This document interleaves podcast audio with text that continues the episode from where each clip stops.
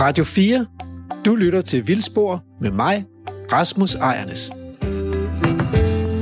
Og Andrew, vi, får, vi står lige her får sådan en, øh, en lækker kanelsnore. Ja, tyk lige i munden, inden vi... Nå, det er du ikke meget for. Ej, Okay.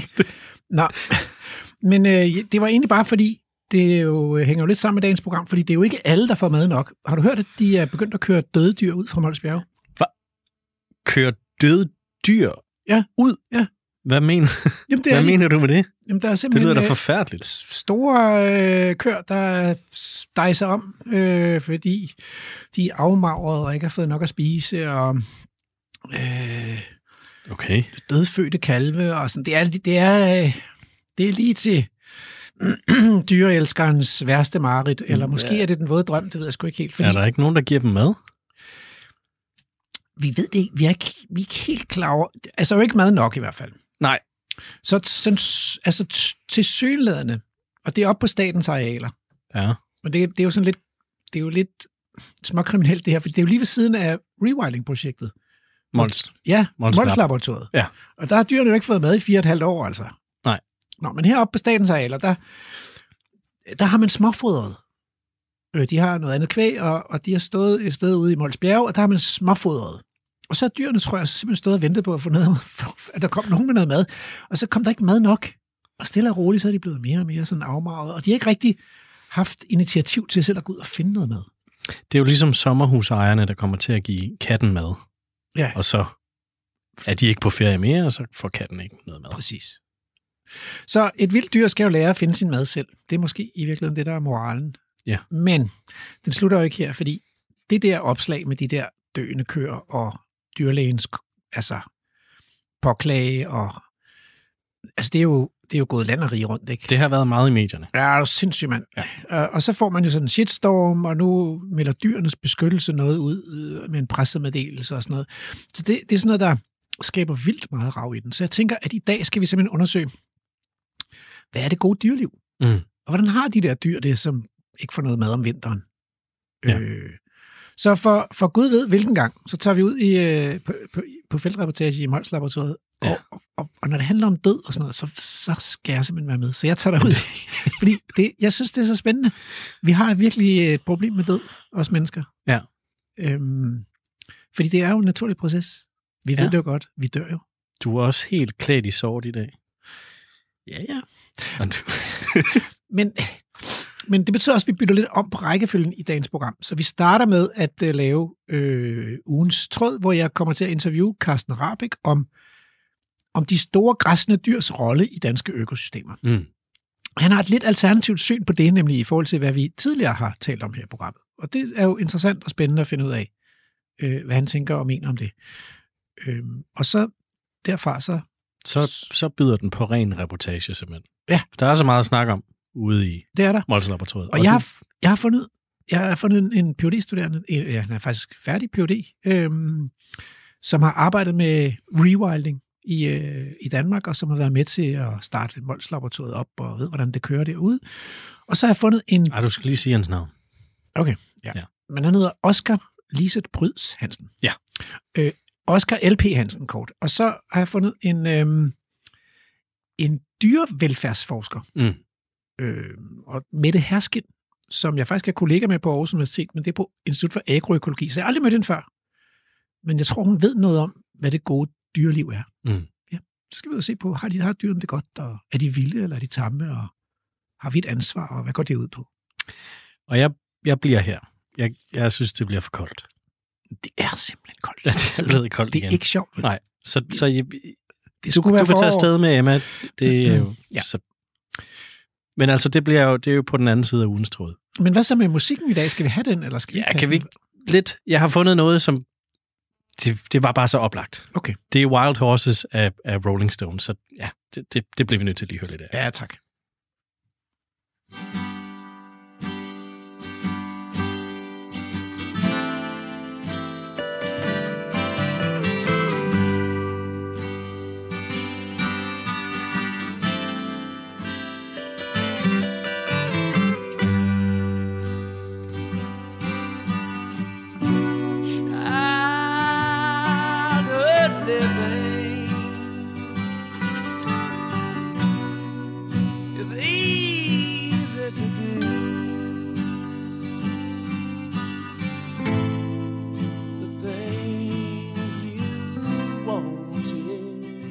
Ja, men så er vi simpelthen nået til øh, ugens tråd, eller ugens samtale, eller ugens interview.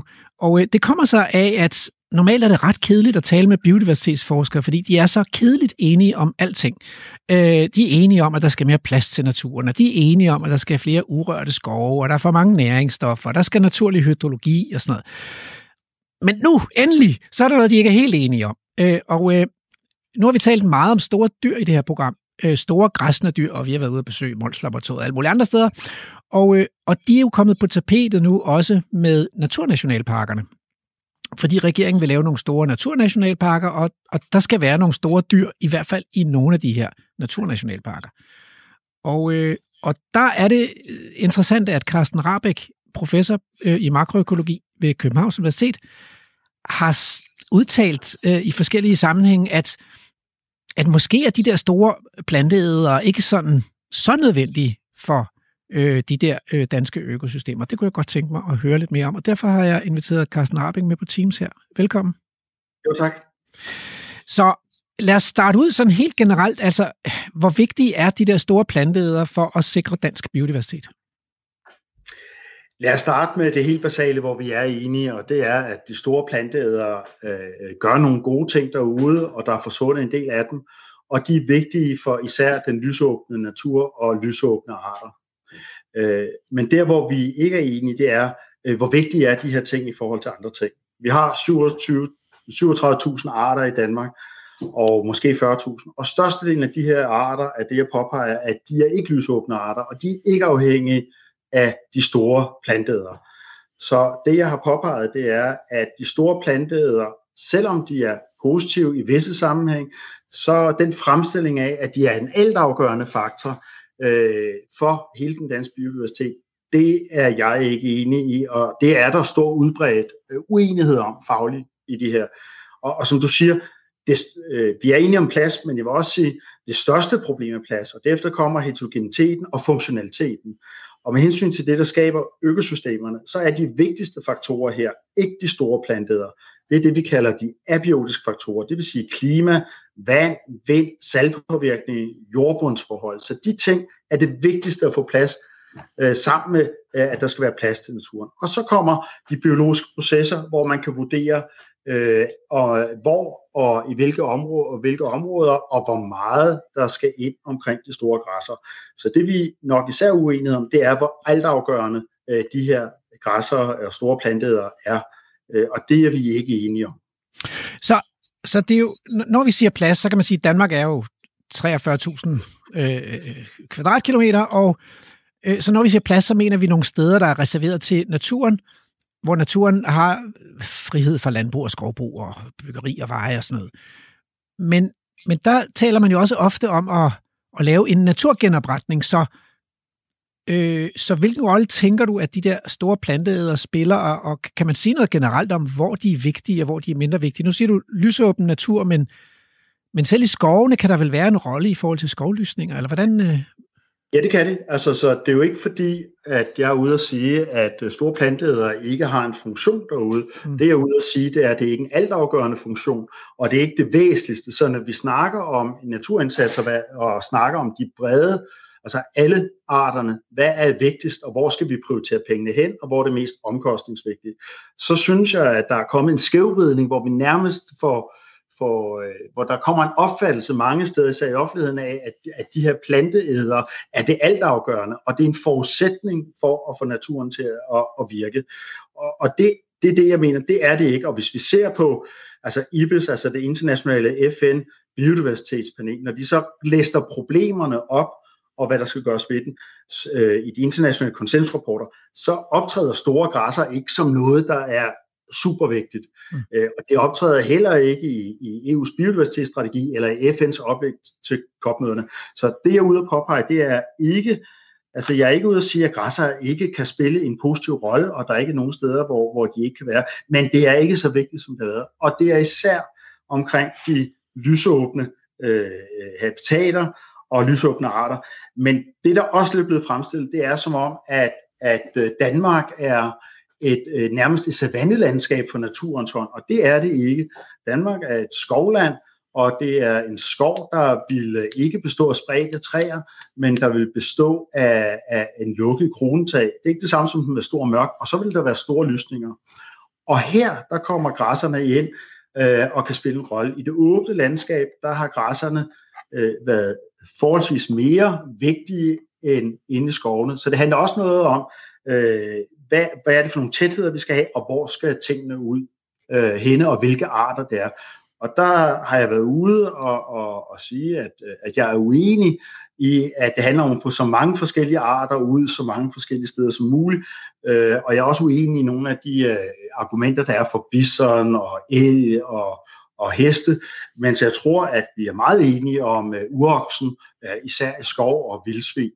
Uh, så, så det er nuanceret, men, men det er mere den der med, at det er ikke så altafgørende her. Der er andre ting, der er vigtigere, og det er der, hvor jeg synes, vi skal investere pengene først og fremmest.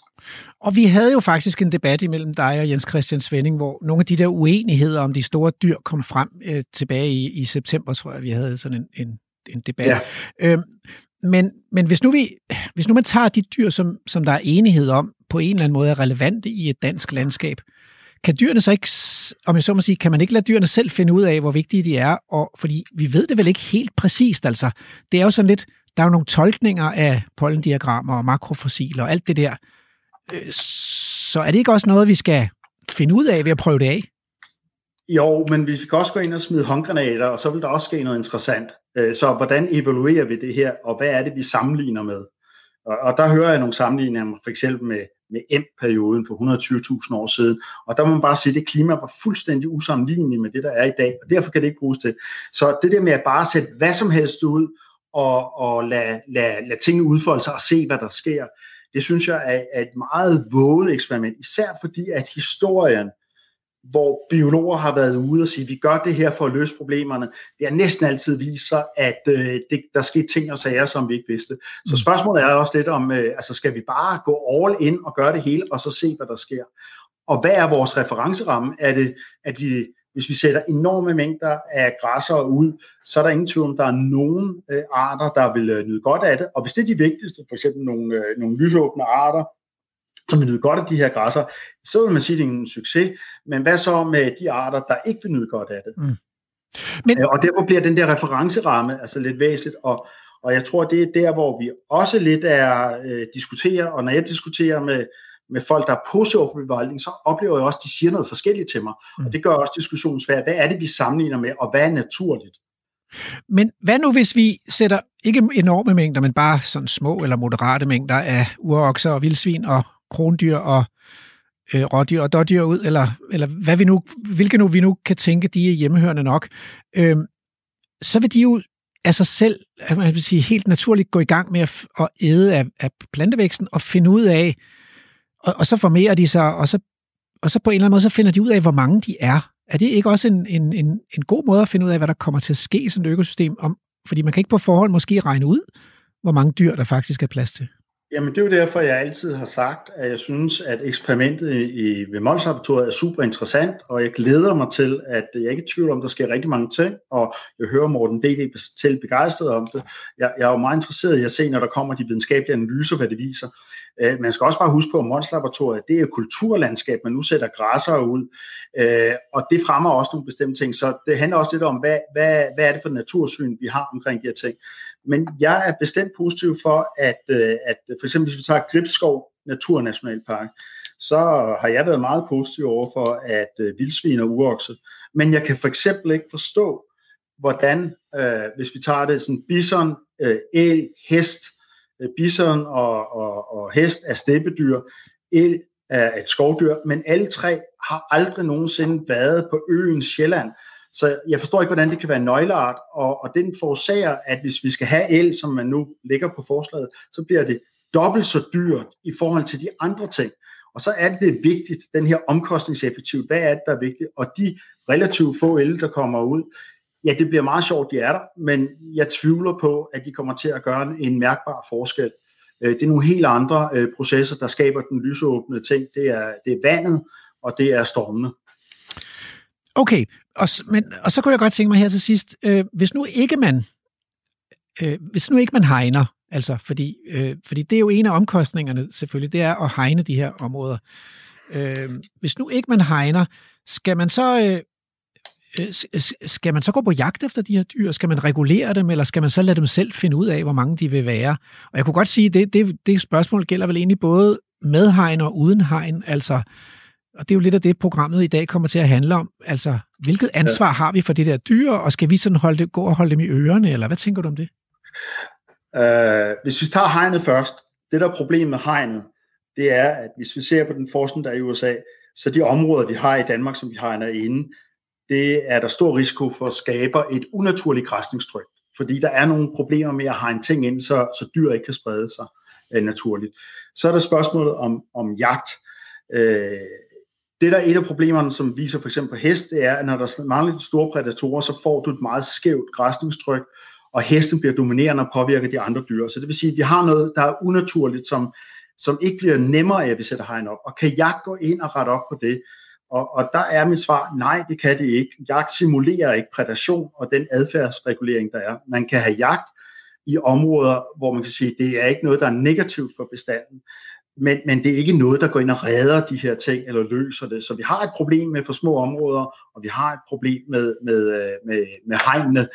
Og så har vi også brug for, som EU siger, at øh, i EU skal der samlet set være 10% områderne, hvor der ikke sker ressourceudtag. Og jagt er et ressourceudtag. Mm.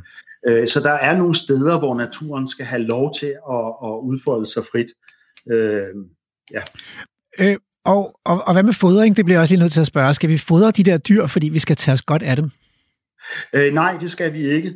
Altså, hvis vi snakker om at prøve at genskabe noget, noget naturligt, så skal vi ikke fodre den. Fodringen giver problemer, og det er også noget af det, jeg har refereret til, der tror jeg, vi er meget enige, at fodring i sig selv gør, at vi får nogle unaturlige bestande, øh, som, som, øh, som ikke giver det rette græsningstryk. Men problemet med hegn, og især heste, det er, at hvis vi ser på forskning på USA, så får man oftest en fordobling over fem år. Man får nogle unaturlige høje øh, høje bestande, og det betyder, at når der er hegn om, så begynder de at nedgræsse på en grad, som ikke er naturligt, og arealerne er ikke store nok til, at de kan sprede sig.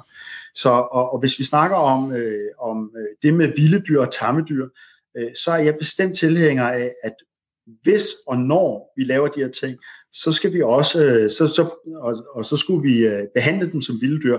Og EU-lovgivning, det er en juridisk spørgsmål, EU-lovgivningen giver muligheder for, at man det kan deklassificere den her type dyr til at være vilde dyr, og så ophøre alle de der plejeting. Men når vi sætter hegn ind, så har vi altså nogle problemer, for vi skaber også noget, nogle, nogle udfordringer for de her arter, der ikke er naturlige, og derfor er det komplekst og svært. Og det er hegnene og de små områder. Så, og så kommer jo et, det nødvendige opfølgende spørgsmål. Hvor stort skal et område være? Altså Kryer Nationalpark er jo også hegnet, så hvor stort skal det være, før at man ligesom kan sige, nu kan det godt være et selvforvaltende økosystem, og vi kan godt slippe tøjlerne med de dyr der. Og Kryer er jo et ganske interessant område, som jeg selv har været ret meget i, og også arbejdet i. Og, og det der er jo fokus Kryer, altså hegnet er sat op for at lave konflikthåndtering med naboerne. Mm. Men vildbiologerne dernede er også enige om, at hegnene er et problem i forhold til at få naturlig bestanden. Så, så øh, hvis man ser en sydlig del af, af kryer, så er der unaturligt store bestande af nogle af arterne, som nyder godt af det her. Og det sker faktisk på, det sker på bekostning af diversiteten og nogle af de andre. Så nu begynder nu skal man ind og regulere. Så det der er problemet i, i, selv i så store områder, det er, at når vi begynder at gøre de her ting, så får vi ikke naturligt selvregulerende. I hvert fald ikke noget, der, der vil være, hvis vi fjernede mennesket for ligningen. Og derfor så er der også den udfordring ved, ved at bruge hegn og de vilde græsser, at, at vores ambition, og det er vi jo meget enige om, det er, at naturen vil klare sig bedst, hvis den var selvforvaltende. Men nu har vi et problem med at have for små områder, og vi har et problem med hegnene.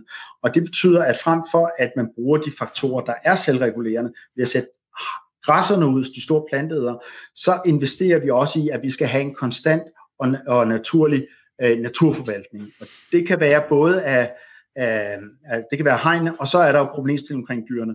Og, og så er det også interessant at se på, den dødelighed, der er i de områder, hvor vi laver det her, er den naturlig? Fordi død er selvfølgelig naturligt, men det er ikke det, der er spørgsmål for mig. Det er, om den dødelighed, vi skaber derinde i, hvor naturlige populationsfluktuationer ikke kan ske, risikerer vi at skabe nogle forhold, som vi har set, for eksempel for Holland, på at man får en dødelighed øh, lige pludselig et enkelt år, som er overhovedet ikke er naturligt. Ikke? Og i USA, der snakker de om en dødelighed på 10-20%, og det vi har set nogle steder, det, det er en væsentlig højere. Og det kan man jo løse, som Morten D. det er Monslaboratoriet gør, det er, at man tager ud, men så er vi inde i en konstant øh, forvaltning. Ja, altså i princippet dør de jo også, i hvert fald hvis man skyder dem øh, og tager dem ud, så, så er de jo lige, lige ja. døde af den grund. Men, men hvad hedder det, øh, hvad, altså, jeg forstår bare ikke helt, hvad er det ved de der hegn, som gør, at, at der bliver flere dyr? Fordi umiddelbart synes jeg, at hegnene burde forringe dyrenes fitness. Hvis ikke de kan, hvis ikke de kan vandre efter fødetilgængelighed, så burde, det, burde der blive færre dyr, og ikke flere dyr. Hvis vi tager hesten som, øh, som eksempel, altså det, det som amerikansk forskning siger, hvor de jo har haft øh, forvildede heste i, i flere hundrede år, det er, at mangel på prædatorer gør, at øh, hestens øh, øh, græsning bliver mere øh, lokalt stedfaste. Der sker en, en, en, en for stor voksning til det, så bestanden vokser for hurtigt, og så vokser den over bærekapaciteten for området. Det, der vil være en naturlig reaktion for vildhesten, det er, at den vil vandre, det vil sige, at den vil flytte sig. Og det kan den ikke i de her områder, øh, fordi den støder mod et hegn. Og så har vi lige pludselig en unaturlig stor bestand, som ikke kan flytte sig og bruge landskabet. Og meget af den forskning, som jeg for eksempel er involveret i, det er jo at følge, hvordan øh, arter flytter sig i tid og rum over store afstande som følge af variationer i det fødegrundlag, der er. Og det forhindrer vi, og det er ikke naturligt, og derfor risikerer vi at få de her problemer, som ikke er naturlige, og som vi har skabt ved at sætte dyrene ud af hegne. Og det rejser jo så nogle dyreetiske øh, mm. spørgsmål i den sammenhæng. Og så til sidst, så kunne jeg godt tænke mig at spørge dig. Øh, vi har snakket om ulv før. Øh, og nu har vi jo faktisk en ulvebestand i, øh, i Jylland. Kunne man ikke forestille sig altså, hvis man for eksempel kørte med lave hegn som på Mols, at ulven ville finde ud af, at der var et forøget fødegrundlag inden for sådan et hegnet naturreservat, fordi der ikke var jagt. Og så vil vi få en bestand af ulve, som vil, øh, hvad kan man sige, deltage i den der naturlige regulering som toppredator. Er det ikke et ønskescenarie? Jamen, det kunne man da godt forestille sig. Lige nu har vi ikke ret mange ulve. Øh, så altså, et af mine andre, andre pointer omkring det her rewilding, det er, at når vi skal til at, at sætte græsser ud, store planteæder, øh, skulle vi så vente på, at forholdene er i orden til, at de faktisk kan have den naturlige øh, funktion. Og, og, og hvis vi tager Gribskov, så, øh, så rejste jeg spørgsmålet omkring el. Altså er området bæredygtigt til el? Fordi el kræver en forudsætning af ret store moseområder. Og der er jo ikke genskabt øh, naturlig vandhydrolik i øjeblikket, og derfor synes jeg, at man for eksempel skulle lave en habitatsvurdering, og sige, hvornår er området klar til det. Hvis vi går tilbage til ulven, så kan man sige, hvornår er der ulve nok til, at de faktisk kan gøre den her funktion. Og så længe at de ting ikke er på plads, så vil jeg bare sige, at vi er ved at manipulere med naturen og risikere at skabe noget, der ikke er naturligt, og skabe forkerte eller unaturligt høje græsningstryk. Det tror jeg bliver det sidste ord, Carsten. Øh, tusind tak for at nuancere debatten om de store dyr og naturnationalparkerne. Tak for invitationen.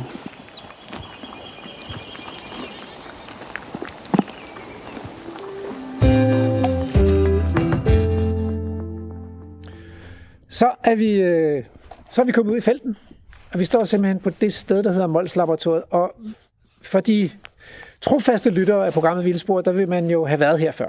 Så vi har været her et par gange. Vi har været her og kigge efter myrer. For cirka præcis et år siden, der var vi herude for at se på, øh, om dyrene var ved at sulte ihjel, simpelthen, i programmet Sultegrænsen. Øh, så vi har været nogle gange.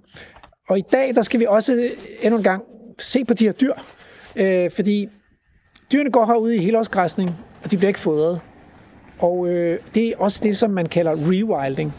Og det er ikke alle, der er lige glade for det der rewilding. De synes simpelthen, det er synd for dyrene, at de skal gå herude uden at blive fodret. Og så midt om vinteren, og det har været en kold vinter.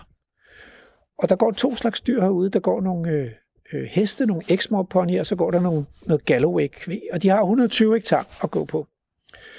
Og fordi jeg ikke er klog nok, øh, og for, fordi det også kan blive træt at høre på mig i længden, så har jeg inviteret to gæster med på turen her. Og i virkeligheden så er vi gæst hos den ene, det er nemlig Oscar Liset Pryd Sansen, som er gammel i går herude, fordi han har skrevet sin Ph.D.-afhandling herude på Mols Laboratoriet. Øh, velkommen, Oscar. Tak skal du have. Tak skal du have. Og, øh, ja. og Oscar skal jo gøre os klogere på, øh, hvad det er, der egentlig er foregået herude de sidste fire og et halvt år. Og så har jeg inviteret seniorforsker Mette Hersken fra Aarhus Universitet. Vi er kolleger på Aarhus Universitet. Simpelthen. Ikke til daglig, men, øh, men dog. Og, øh, og du er seniorforsker i dyrs velfærd, kan man godt sige? Ja, det kan man godt. Med fokus på produktionsdyr. Ja. Er der sådan, har du en foretrukken produktionsdyr? Nej. Så det kunne være gris, ko, hest? Ja, ja, nej, heste kan, det er lidt forskelligt, om vi tager hestene med som produktionsdyr. Typisk egentlig ikke, og det er ikke nogen, jeg har beskæftiget mig med i hvert Nej. fald. Så det er svin, det er kreaturer, det er i et vist omfang også øh, slagtekyllinger og minklet, mens ja. vi stadigvæk havde dem. Jeps. Jamen, øh, altså, øh, vi, vi skal se, om vi kan finde nogle dyr. Og så tænker jeg, at vi skal tale om, øh, hvad er det gode dyreliv? Er, er, findes der en enkel formel for det, eller er det mere kompliceret? Men øh, vi, altså, jeg synes, jeg hørte nogen, der sagde pro. Skal vi prøve øh, lige at se, om vi kan Der finde dem? noget, der var noget rundt om hjørnet. Hvor mange dyr er der, øh, Oscar? Er der, er der tal på dem? Øh, det er der. Øh, nu fanger du mig lige på nogle sådan helt øh, talfakta, som jeg faktisk ikke lige har i hovedet lige nu. Jeg kan se, Øhm, jeg kan men, se øh, øh, seks dyr. Vi har nogle dyr her i hvert fald, nogle heste. Øh, men, øh, men ja, der er jo, altså de er jo blevet øh, sat ud som en, en population, hvor man, øh, ja, hvad kan man sige, de, de får lov at, at reproducere, så vi ser jo også nogle her i, i forskellige aldre, og øh, øh, hvad hedder det, øh, Kan du ikke lige beskrive, hvad det er, vi står og kigger på?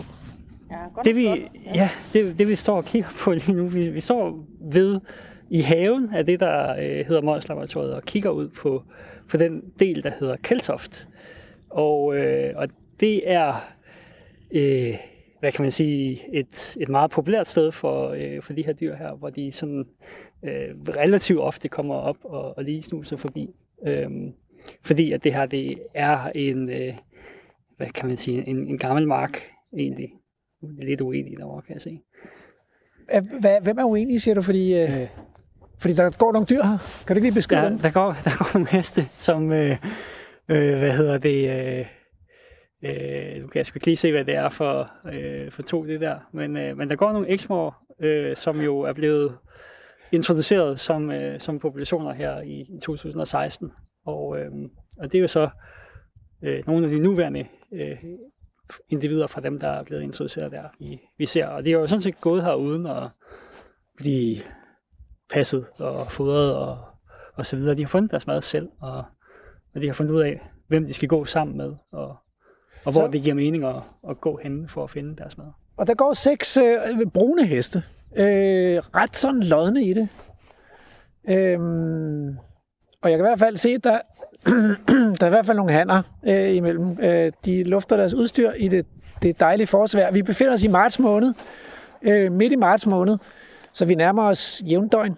Og det er faktisk smukt vejr i dag. Øh, solen har skinnet hele dagen. Nu er der kommet lidt skyer.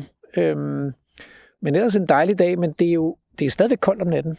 Så det bliver frostvejr om natten de her dage, og det bliver ikke meget mere end 5, 6, 7 grader om dagen. Og det ser ikke ud til, at græsset er begyndt at vokse rasende meget. Det er helt tæt klippet inde i øh, den der fold, hvor hestene går. Mens vi stod så var der lige to af dem, der kom lidt op og slås, men nu står de og, og græsser fredeligt igen. Altså Mette, hvad tænker du, når du, øh, når du står og kigger ud over området her, de heste her? Jeg synes godt nok, har flot. Ja. Øh, og det er, det er dejligt at se dyrene. Øh, det er dejligt at se dyrene, der har mulighed for at udføre øh, adfærd herude. Ja, for det var det, de gjorde. Altså, de havde simpelthen, hvad, hvad fanden kan man kalde det, at socialisere. Øh, der var lige et eller andet, der skulle afklares mellem de to heste derovre. Den ene fik et los, da den blev for nærgående, men øh, Jamen, det er jo sådan, det er, når dyr interagerer med hinanden. Ja. Når Ja. sociale dyr interagerer med hinanden. ja. Og nu, øh, nu vil man jo så spørge, øh, får de egentlig nok at spise her? Altså, der, der, der er jo græsset helt tæt ned. Hvordan, øh, hvordan håndterer man det spørgsmål her på Mols Laboratoriet? Du har, er det rigtigt, du har været med til at, at lave protokollen, eller, eller komme, komme med rådgivning omkring den her protokol herude? Ja, så, så det der, øh, altså, øh, den måde, det bliver øh, grebet an på, og den måde, det er blevet grebet an på, det er jo at lave en, en introduktion af, af de her øh, dyr, som går inde bag et hegn. Og øh, som, øh, øh hvad kan man sige, fordi de går inde bag det her hegn her, så, øh, så er der også en, øh, en ejer, som, som jo i sidste ende har et, øh, Øh, et ansvar for, øh, for de her dyr her. Øhm, og det man jo øh, vil ved at introducere en, en population, det er jo, at, at de øh, skal have lov at være her så, så meget som muligt. øhm, og få lov at reproducere, og få, få lov at finde den mad, som de, som de kan finde. Øhm, og det er også klart, at, øh, at når de så øh, kommer i nogle, øh, hvad kan man sige, nogle situationer, hvor det bliver, øh, bliver mere vanskeligt, måske ikke at finde mad, men måske, at, øh, måske også sådan noget som, at øh, kvaliteten af maden, den, den ikke er, hvad den er lige præcis på højsommeren, jamen, jamen så skal man jo holde øje med, øh, hvordan øh, de her dyr klarer sig, fordi at de er jo underlagt øh, noget lovgivning i, i Danmark, fordi at de har en Altså, og nu siger du lovgivning, jeg kan simpelthen ikke lade være med at kommentere, at der kommer en politibil, kø- Ja. politibil kørende dernede på vejen. Øh, er der simpelthen sket det, at, at der er nogen, der er blevet politianmeldt igen? Det er, jo, det er jo helt vanvittigt. Altså, det kan vi jo godt afsløre for lytterne. Ja. Det, det er jo ikke nogen hemmelighed, at Mols Laboratoriet har muligvis østtysk re- rekord i politianmeldelser, fordi der er nogen, der er rigtig, rigtig sure over, at man har sluppet dyrene fri her. Øh, og indtil videre, så har alle anmeldelser til, til myndighederne ført til, at øh, der har været kontrol, og at Mols Laboratoriet er blevet frikendt. Det er vel, det er vel historien kort, Det- kort fortalt. er jo, hvad kan man sige, der, der har været mange herude, og øh, hvad hedder det, øh, og, og kigge, og, øh, og der har været kontroller, som Ja, du siger. ja. Øhm, og, øh, og jeg har, altså jeg har ikke været med til de kontroller. Så, så det, det, der er min rolle her, det er, at jeg har været med til at udvikle de, øh, de metoder, der er blevet brugt for at overvåge øh, dyrevelfærd. Ja, og det var de metoder, jeg, spurgte. ja. jeg vil godt høre. Kan du, kan du forklare sådan helt kort, hvad er det, man kigger på på sådan et dyr, for at finde ud af, om det får nok mad at spise? hvad, hvad gør vi konkret? Øhm, så så der, er, der er rigtig mange elementer i det her i virkeligheden. Øh, der, bare den korte version. der er nogle elementer, hvad kan man sige, sådan helt overordnet, så er der nogle elementer, der går på økosystemer. Så der er nogle elementer, der går på, øh, hvad er det for et økosystem, de går i lige præcis konkret nu. Øh, så der ligger nogle vurderinger af, hvor, øh, hvad er det for et vejr, de oplever, hvad er det for, øh, har de mulighed for at finde læ? Altså, altså er der nogle, øh, nogle steder, hvor de kan gå hen i noget vegetation for eksempel? Og hvor meget vegetation er der sådan en, en grov vurdering af, hvor, hvor, hvor meget vegetation er der øh, til alle de dyr, som nu er konkret på arealet? Øh, så, så det er sådan den, nu den faldt- første del af det. Hvis der nu faldt 20 cm sne i morgen, ja. så vil den vurdering ændre sig. så vil, så vil vurderingen af, hvad kan man sige, selve økosystemet, her, den, den vil ændre sig. Ja. Og det betyder så, at, at de dyr, som er på arealet, de bliver nødt til at kunne modstå det her Ja. ja. bedre. Ja, står det Øh, igennem. Så, så måde man, hvad kan man sige, bruger den her økosystem øh, variabel på, det er til at sige, jamen hvis vi, hvis vi har noget, et økosystem, hvor der er rigtig øh, dårlig vejr, eller der er dårlige forhold, jamen, jamen så, øh, så, så, så skal dyrene være i bedre form. Bedre form. Ja. Ja. Øhm, og så, så er der jo to andre ting, hvor man kigger på, jamen, hvor god form er de her dyr så i. Og, og det går så både på, øh, jamen, hvor, hvor meget fedt har de på kroppen, Mm-hmm. og, og det går på, hvordan er det, de opfører sig. Mm-hmm. Så, så det er sådan de to andre elementer, der, der er i det her. Altså, øh, hvor meget har de at stå imod med i forhold til, øh, hvor meget fedt de har på kroppen, og, og hvordan er det, de konkret opfører sig i det her økosystem. Øh, det er jo den overordnede vurdering. Altså, altså, altså, jeg synes, de ser meget godt ud, ikke? men det var jo stadigvæk lige måske en måned, før der rigtig kommer vækst i græsset. Er du, er du bekymret? Nej, det er jeg egentlig ikke. Øh, altså nu står vi og kigger ud på det, øh, som jeg startede med at sige, øh, det sted, hvor de nok øh, er ret ofte. Øh, så det er klart, at det, det nu står de godt nok og øh, diskuterer igen. Øh, det, er, det er virkelig her, de kommer, øh, kommer op og sørger for lige at tage, øh, tage det rigtig gode græs, og, og så gå igen og, og bruge nogle af de andre øh, hvad hedder det, øh, nogle af den anden sådan store kvadratkilometer, de har, øh, de har adgang til.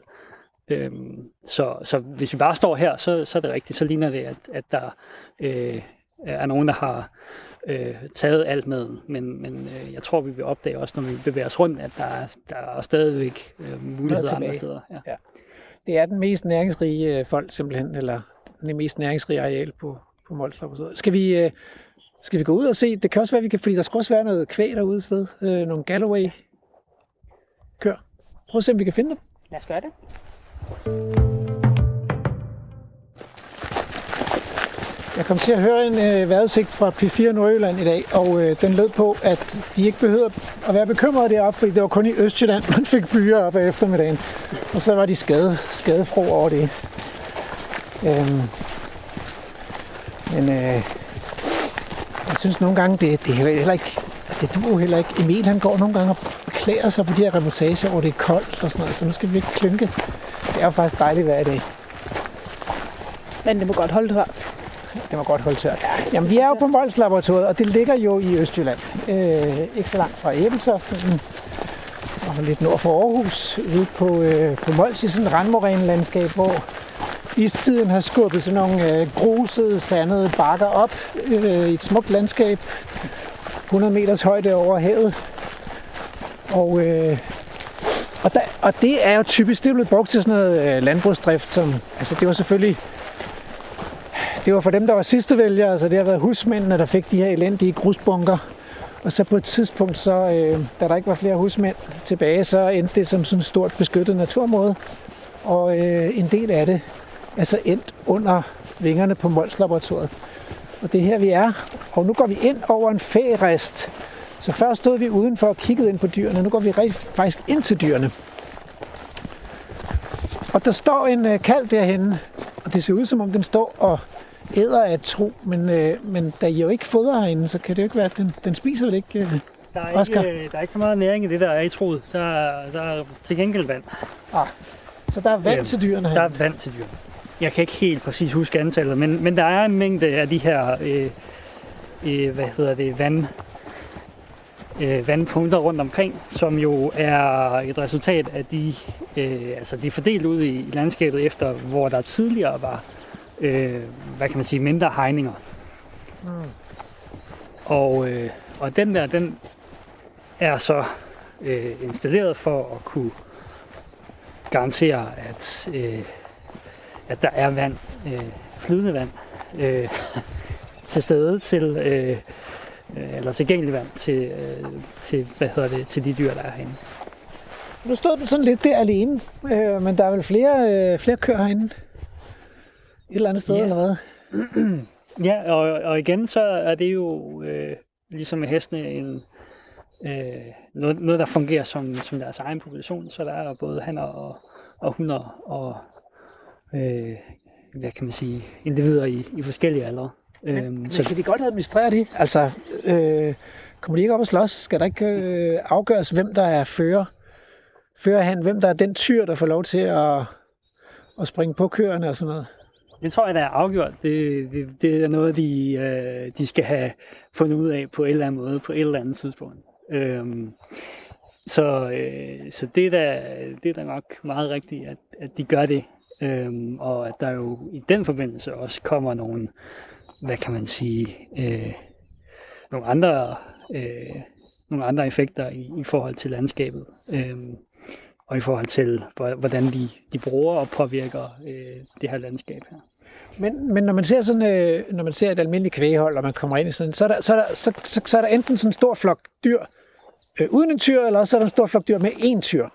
Det er sådan det, er sådan det typiske, og man, man starter lige med at tjekke ud, er der en, der ligesom er lidt større end de andre, og tør man gå ind til dem, eller er det bare kviger, der går her, eller... Du står og nikker med det. Det er sådan en nogenlunde beskrivelse af, sådan gør man. Det synes jeg lyder rigtigt. Men, men hvad tænker du om, at der her er en fri population, det vil sige, der vil være flere tyre i området, og flere hængste i området? Tænker du dyrevelfærdsmæssigt?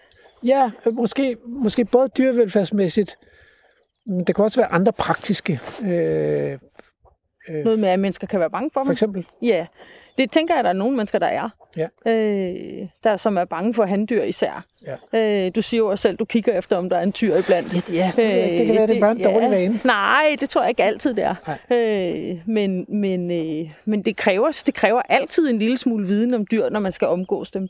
Ja. Så, så hvis man ikke kan undgå, eller hvis man bevæger sig tæt på dem, så er det, er det jo en god idé at vide lidt om, hvad det er for nogle dyr, og hvad der er deres naturlige reaktioner. Ja. Øh, det, det er jo det samme med vilde dyr. Hvis man møder hunddyr med unger, for eksempel, i naturen, så kan der være bestemte måder, som man undgår konfrontationer på. Ja, måske er de i virkeligheden farligere, fordi de vil gøre alt for at beskytte deres øh, kalve, for eksempel sådan en ko der. I naturen, mener Ja. ja. du? Jamen, det tror jeg da sagtens, det kan være. Der, der, der, der, altså, jeg, jeg kan da huske sådan sjove historier med, med, med bedsteforældre, der fortæller om, at de blev, blev jagtet af svane, svaner, da de var hundesvaner, eller hvad hedder sådan noget, forældresvaner, der hed svaneunger, da, da, da de var små. Ikke? Så forældredyr beskytter deres unger. Ja. Og det vil, det vil øh, produktionsdyr også gøre. Ja. Det oplever man jo også i produktionen. Men altså rationalet her, er der en speciel grund til, at man ikke går ind og, og regulerer på kønsration, eller fjerner, fjerner nogle af hængsten, eller er, er der et rationale bag det? Oscar?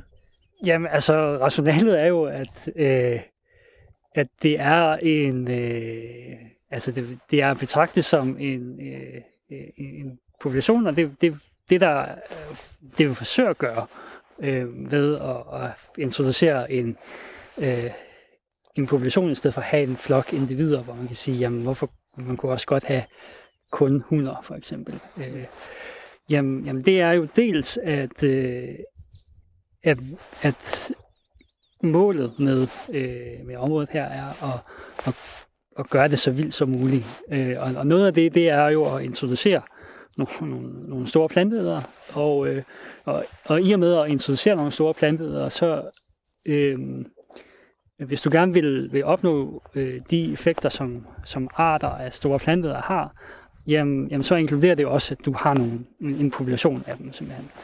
Øhm, så, så det er, det er sådan, øh, hvad kan man sige, det, det er en del af det. En anden del er, at, øh, øh, at du også har en, øh, øh, hvad hedder det, altså i og med, at vi, øh, at der bliver øh, taget, øh, øh, at det er, hvad kan man sige, det, det er økosystemet, der, der sådan set øh, vælger, hvad for nogle individer, der er her, eller hvad for nogle individer, der ikke er her, i form af, at, at det, er, det er de forhold, øh, der, der er til stede i, øh, i, i det her areal her, som, øh, som afgør, jamen, hvad er det for nogle individer, der, der kan finde ud af at klare sig, og hvad er det for nogle, der ikke kan finde ud af at klare sig. Jamen, jamen så er det også øh, nødt til at, og, tror jeg, at bringe en, en, en øh, robusthed ind over det. Ikke? Altså, Og det kunne være et meget godt anledning til at fortælle lidt af historien her, fordi så det startede for fire og et halvt år siden med, at man satte øh, to grupper, en gruppe heste og en gruppe kvæg ud. Og så, og så har de fået lov til at passe sig selv, og der er ikke nogen, der har fodret dem, øh, og der er heller ikke nogen, der har slagtet dem. Øh, så de har, de har ligesom været, været der sig selv i det her økosystem på de 120 hektar. Og øh, så voksede bestanden. Øh, jeg kan ikke huske, hvad man startede på under 30 dyr, eller sådan noget. så voksede den til 40, og så voksede den til 60 dyr, og så voksede den til 77 dyr. Hvorfor slagtede man ikke nogen egentlig? Ja, altså... Undskyld, nu Øh, jeg. jamen, det er da et super godt spørgsmål, øh, og det er jo Oscar, der skal svare på det. Hvorfor har man ikke slagtet dyr undervejs? Jamen, jamen det er jo øh, øh, netop for at, at, hvad kan man sige, øh, øh, øh, have det som en introduceret øh, population i virkeligheden. Øh, så øh, det er øh, for at gøre det, øh, hvad kan man sige, så, så vildt som muligt, jamen, jamen så Men der er jo ikke nogen prædatorer øh, for kvædet, tænker Nej. jeg på. Så man ville jo få mange. Ja, og det har det, jo Hvis de været, det, har, det har det jo været fuldstændig øh, klar over fra, fra start af, at, øh, at selvfølgelig når du introducerer en population, jamen, så, så får du en, en, en reproduktion. Øhm, og, og det der jo så, øh, hvad kan man sige, hvis vi sådan helt grundlæggende kigger på, jamen, hvad er det, der regulerer store planteder, jamen, jamen så er det jo, øh, jamen, hvad er det for... Øh, øh, hvad kan man sige, hvad for muligheder er der i økosystemet, men, men oversat så kan det være, jamen, jamen hvad er det for en, øh, øh, hvad er det for noget mad, som er, er tilgængelig Selvfølgelig, for, er for de her øh, dyr her. Øhm, så, så det er sådan en del, og så som du nævner, så, så er det også rigtigt, at, øh, at der for nogle arter er en, en regulering, en kraftig regulering af, øh, af, populationen, også gennem øh, prædation. Ja, rovdyr. Øhm, og det er jo forskelligt i forhold til, hvor store de er. Øh, så hvis vi kigger på øh, sådan de allerstørste økosystemer med, øh, med den fulde kompleksitet af, øh, af både store planteæder og, og store kødæder, som kan være sådan et økosystem, jamen, jamen så vil vi se at, øh, at de allerstørste arter, jamen, de bliver meget mindre reguleret af øh, store kødder, og meget mere reguleret af, jamen, hvad er fødegrundlaget mm-hmm. på, øh, på sådan en areal. Og, det, og når vi siger store øh, kødede og rovdyr, så er det jo, i Danmark er det jo ulv, som bliver fået tilbage igen i den danske natur. Men i sidste uge, der handlede Vildsborg om, øh, om bestiariet, om f- de forhistoriske dyr. Og der var det jo i Europa også leoparder og hyæner og løver. Det var ovenikøbet huleløver, som er 50% større end den afrikanske løve, så det var ordentlige øh, kramater. Øhm, men selv for så store rovdyr, ja, der var så også en sabelkat, hvis jeg ikke husker galt, selv for så store rovdyr, så er elefanter og næsehorn en stor mundfuld, så de vil være stort set immune. Øhm, mm, og, og dyr som heste og køer vil nok heller ikke være første valg for ulve. De vil nok gå efter vildsvin og krondyr i første omgang og rådyr. Øhm, så der er en pointe der. Men, men jeg efterlod lidt suspense der, fordi de 77 dyr, der så var sidste år, de ramte så bærekapaciteten i den grad. Ikke? De, slog, altså, de gik over bærekapaciteten. Så pludselig, de 60 dyr, de overlevede vinteren, men de 77 dyr, de gjorde ikke. Så sidste år på den her tid, der stod vi simpelthen her. Og, og hvis man kigger hen bag den kalv, der står derhen, så er der en fangfold. Og øh, den har man så brugt til at fange de heste, der faldt for hulkriterierne. Altså de, de klarede ikke den der test af, hvor, hvor meget fedtlag de havde. Så de skulle tages ud. Og de stod simpelthen og ventede på at blive transporteret et andet sted hen. Øh, så i stedet for at slagte dyrene, når de falder for de her kriterier, så bliver de transporteret et andet sted hen, eller, eller skudt på arealet. Og i et naturligt økosystem, der vil de jo være døde af sult. Og så vil de, så vil de være kommet til at ligge her et eller andet sted. Men det må I ikke. Ja, det må man ikke i dag. Lad dem ligge. Det er, øh, det er ikke mulighed, nej. Øh, det er ikke mulighed at lade dem dø af sult. Nej. Det er ikke mulighed at lade dem ligge, Nej. efter de er, hvad kan man sige, øh, efter at du ville lave en eller anden handling i form af at enten skyde dem, eller... Der må I lade kadaver ligge, øh, nej, hvis, hvis den er død. det, Det- øh, Øh, Oscar ryster kraftigt på hovedet, hvilket I ikke kan se, men det gør han. Og, øh, og det skyldes mig bekendt, at noget, der lyder så sjovt som en restproduktforordning. Som simpelthen er bestemt. Så hvis man skal have lov til at lægge kød ud i sådan nogle naturområder, så skal man have noget dyrlægegodkendt hjortevildt eller et eller andet andet, som ikke er om, omfattet af de her restproduktforordninger. Jeg ved ikke, om det er den der øh, Kreutzfeldt-Jacobs disease, der spo, spørger, eller hvad, hvad pokker det er, men altså husdyr må ikke ligge og rådne ude i naturen. det, det er i hvert fald ikke en, øh, en mulighed her, og, og hvad kan man sige, at bare lade dem, lade dem ligge, selvom, øh, øh, hvad kan man sige, det, det vil jo øh, også skabe nogle, nogle, nogle helt andre dynamikker, som jo, som jo ikke giver, hvad kan man sige, øh, ikke har andre muligheder, end, end at have døde dyr til at ligge. Øh, men det er simpelthen ikke en, øh, øh, det er simpelthen ikke en mulighed øh, at, at gøre det øh, på, på det her areal her, som det, som det ser ud. Så det er ikke af hensyn til dem, der kommer og kigger. Det er på grund af restproduktforordningen. Eller hvad den Ja. hedder. Ja, det er vel, det er vel derfor. Ellers ja. ville man vel have gjort det. Det passer jo godt i et videnskabeligt projekt. Ikke? Altså, det er jo et, der er en masse dyr, der lever af, af ådsler. Øhm, og der er også noget med nogle næringsstoffer, er der ikke det?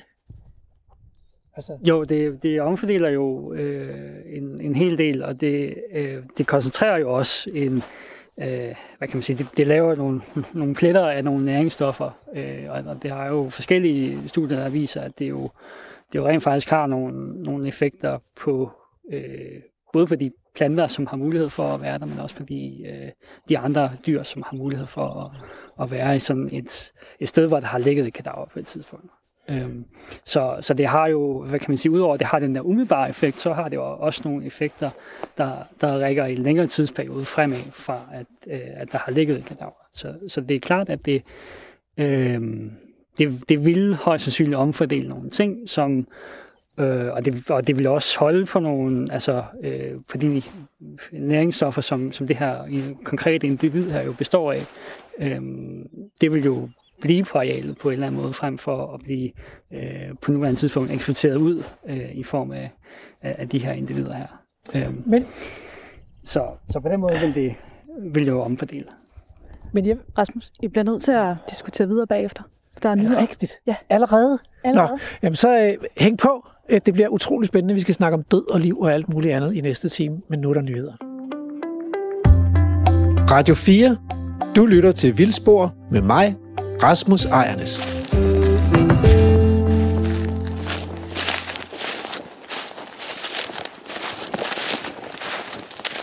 Så er vi vendt tilbage, og vi befinder os i, øh, øh, i Mols Bjerge, nærmere betegnet det, der hedder Mols Laboratoriet, som er en lille bitte del af Mols Bjerge. 120 hektar nærmere bestemt, hvor man har sluppet naturen fri så meget, som det nu er muligt. Man har sluppet en bestand af Galloway-køer og en bestand af Exmoor ponyer løs i det her område. Og så har man sagt, ved I hvad, kære dyr, nu bliver I ikke fået, I bliver heller ikke slagtet. I må simpelthen passe jer selv. Øhm, og så må I have alt det sjov, I kan med hinanden. Og hvis I falder for øh, husdyrvelfærdslovens kriterier om at være i godt hul, så bliver I skudt eller fjernet fra arealet. Sådan er det. Det er spillereglerne. Værsgo. Og, øh, og det skal vi tale lidt om, fordi hvad er egentlig det gode dyreliv, og er det her øh, okay, og hvor, hvor går menneskers ansvar for de her dyr? Hvornår stopper det, hvis det overhovedet stopper? Og øh, med mig i Mols Bjerg øh, til at blive klogere på det spørgsmål, der har jeg seniorforsker Mette Hersken fra øh, Institut for Agroøkologi på Aarhus Universitet. Og med mig har jeg øh, Ph.D. Øh, Oscar Liset Bryds Hansen, som har skrevet sin Ph.D om rewilding herude på Mols Laboratoriet. Øh, velkommen. Og øh, vi var nået i første time til at tale om, om det, der skete sidste år, hvor bestanden simpelthen var vokset og vokset og vokset og vokset på de fire og et halvt år, som øh, øh, projektet har kørt. Og nu ramte den øh, op over loftet for bærekapaciteten. Der var 77 dyr, og de begyndte at mangle mad. Øh, forstået på den måde, at de blev tyndere og tyndere, og på et tidspunkt, så sagde man, jamen nu øh, er man nødt til at tage dem ud for at overholde husdyrvelfærdsloven. Så de må ikke ligesom sulte. Og før de sulter, øh, så tager man dem ud. Og, og da vi besøgte arealet her for cirka et år siden med vildspor i det program, der hedder Sultegrænsen, så kom vi gående her ved siden af den her fangfold, og der var altså ret meget uro i hesteflokken. Fordi at nogle af hestene var taget fra, og det var blandt andet nogle af førerhopperne, og alle de andre, de stod udenfor, og de øh, myldrede rundt, fordi de kunne simpelthen ikke forstå, hvad sker der nu, og hvorfor skal vi skilles ad? Øhm, og min tanke der var, at, øh, at det var stressende for dem på et tidspunkt, hvor det måske, de har brug for at gå og spise, gå og æde, øh, og så pludselig så bliver der det der opbrud, hvor man pludselig skal til at fjerne nogle af dyrene. Er det, er det sådan helt forkert set? Hvad tænker du øh, med det i forhold til sådan dyr og dyrs socialisering og sådan noget? Jeg tænker fuldstændig det samme, at det er stressende at skille en flok. Ja. Men det følger jo med på, på øh, når vi har dyr, så tager vi jo nogle valg omkring dem. Mm. Ligesom at der her, herude er taget nogle valg omkring, at man ikke vil fodre, og man ikke vil, vil øh, holde flokken nede. Så man, man ved at lade dem tabe hul, og derfor have været sultne i noget tid, for ellers så taber de sig ikke. Mm. Øh, så, så er det en nødvendig konsekvens af de valg, man har taget inden. Ja. Tænker jeg. Og man skiller jo også dyr ad i det traditionelle landbrug. Øh, Masser. Masser, altså skiller øh, øh, dyre børn fra dyre mødre. Øh, kalven fra den mor, der så skal give mælk til mejeriet i stedet for til kalven, og så videre. Øh, så, så det er jo sådan set helt normalt, og som du siger, jamen det er jo en konsekvens så af de beslutninger, man har truffet, og den måde, man holder dyrene på. Ja, der er også eksempler på, på produktionsdyr, som i perioder bliver fodret mindre, end de selv ville have ønsket. Væsentligt mindre, for at få dem til at tabe sig. Mm. Øh, og men det er så igen også, altså det er der mange eksempler på, at produktioner er fuldstændig øh, accepteret, at sådan gør vi med for eksempel med forældrefuglene til slagtekyllinger, øh, som, som er meget ædemotiveret, som er sultne hele tiden. De bliver ikke tynde, øh, for det kan vi nærmest ikke få dem til, tror jeg, men, men de, for at holde dem fra at blive alt for fede, og for ikke at kunne reproducere sig, så vælger man at, at lade dem være sultne meget af tiden faktisk. Øh, Så der er også eksempler fra produktionsdyr, som, hvor det er tilladt at lade dem sul- ikke sulte, men at være sultne. Og altså, jeg vil godt følge op på den, fordi der er vel også produktionsdyr, som, som bliver for fede, altså som får for meget at æde. Eller ikke produktionsdyr måske, Det fordi det kan man jo ikke sige, det ville jo være dumt. produktionsdyr. Nej, det er tamdyr. Ja, det vil det, ja, vi vil måske kalde dem, kalde dem øh, kæledyr ja. eller selskabsdyr. Ja. Øh, dem, som, hvor der kan være masser af problemer med overvægt. Ja. Og det vil de her også blive, øh, nogle af de her produktionsdyr, hvis man ikke holdte dem. Øh. Det kan også være drægtige søer for eksempel, som, som kan komme langt op i hul, øh, så langt op, så det også kan have sundhedsproblemer for dem, hvis man ikke holder dem øh, igen med foder. Det er jo en kon- kedelig konsekvens, kan man sige, af, at man har avlet dem, så de vokser rigtig meget. De har et stort potentiale for at vokse. Øh, og, og derfor så, så er de meget sultne. Ja. Øh, så vi har avlet nogle dyr, som er meget sultne. I forhold til, øh, hvad hedder det, det her med at tabe sig, øh, så er der også nogle, nogle studier af, øh, af vilde heste i en, en zoologisk have, øh, øh, hvad kan man sige, kontekst, hvor, hvor de faktisk viser, at, at det her med at, at, at tabe sig, jamen, jamen det er faktisk noget, der også foregår i løbet af vinteren, selvom de har adgang til mad. Så det er ikke altid øh, sådan, at, øh, at det er, øh, hvad kan man sige, en, en direkte øh, konsekvens af, at der, at der simpelthen ikke er noget mad. Nej, Øh, der er nogle også en, øh, hvad kan Ja. man sige, for, øh, for, for vildheste i hvert fald, en, øh, en, en, en variation over årstiden på, hvor, hvornår er der øh, høj øh, aktivitet i metabolisme, og hvornår er der øh, nedsat aktivitet, og hvornår er der øh, meget fedt på kroppen, og hvornår er der mindre fedt på kroppen. Øhm, så der er også, øh, hvad kan man sige, øh, nogle observationer, der, der viser, at, øh, at der er altså øh, en, den her sæsonvariation her, selvom der er øh, for, øh, for de konkrete dyr øh, måske er øh, adgang til mad. Ja, men det er, jo, det er jo meget interessant, du siger det, fordi man kan sige, det, at de bliver tynde, det bruger vi som en indikator på, at, at de har været sultne eller ikke har fået deres ernæringsmæssige behov opfyldt, hvis de bliver for tynde. Øh, ikke slanke, men for tynde. Men, men, øh, men egentlig så, når man taler dyrevelfærd, så det vi, det vi allerhelst vil måle på, det er det, vi kalder øh, dyrebaseret mål. Og det er hul egentlig også, fordi man kigger på dyret, og så ser man, hold op, du er tynd. Men, men det vi man mange vægter højt er også, har de oplevet sult?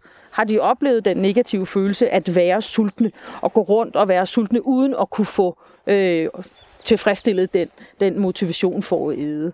Så, så hul siger jo ikke nødvendigvis noget om, hvis, som du siger, at hul går ned helt naturligt i perioder af året, så er det måske bare, fordi det ikke har været, haft lyst til at spise så meget. Øh, og så behøver det jo overhovedet ikke at være et velfærdsproblem, hvor vil mange sige, men man har brug- for, især hvis man skal ud og kontrollere, så har man brug for en indikator, så man lige kan se på den derovre, er den har den været sulten? Mm, det kan være meget svært at se på hestene før, for eksempel, hvem af dem var sultne. Så bruger man hul som noget, som, som en kontrollant fra for eksempel myndighederne, eller hvis vi er ude og kontrollere, jeg kontrollerer jo ikke, men hvis, hvis der er nogen, der er ude og kontrollere dyrevelfærd i besætninger, så, så, så er det det, man bruger som en slags indikator for, for om de har været sultne. Selvom det er jo så det, du nævner, er jo så et godt eksempel på, at det ikke altid er en god indikator. Og det er det jo med indikatorer, at de, det er sjældent, at de er spot on. Men, men kan, vi, øh, kan vi få nogle flere indikatorer på bordet? Så, så altså, en ting kunne være, har man oplevet sult? Og den kan, vi kan lige vende tilbage. Jeg tror, vi kommer til at vende tilbage til den der med sult. Men, men hvad ser man ellers på med et dyr, hvis man, vil, hvis man skal karakterisere et, et godt dyreliv?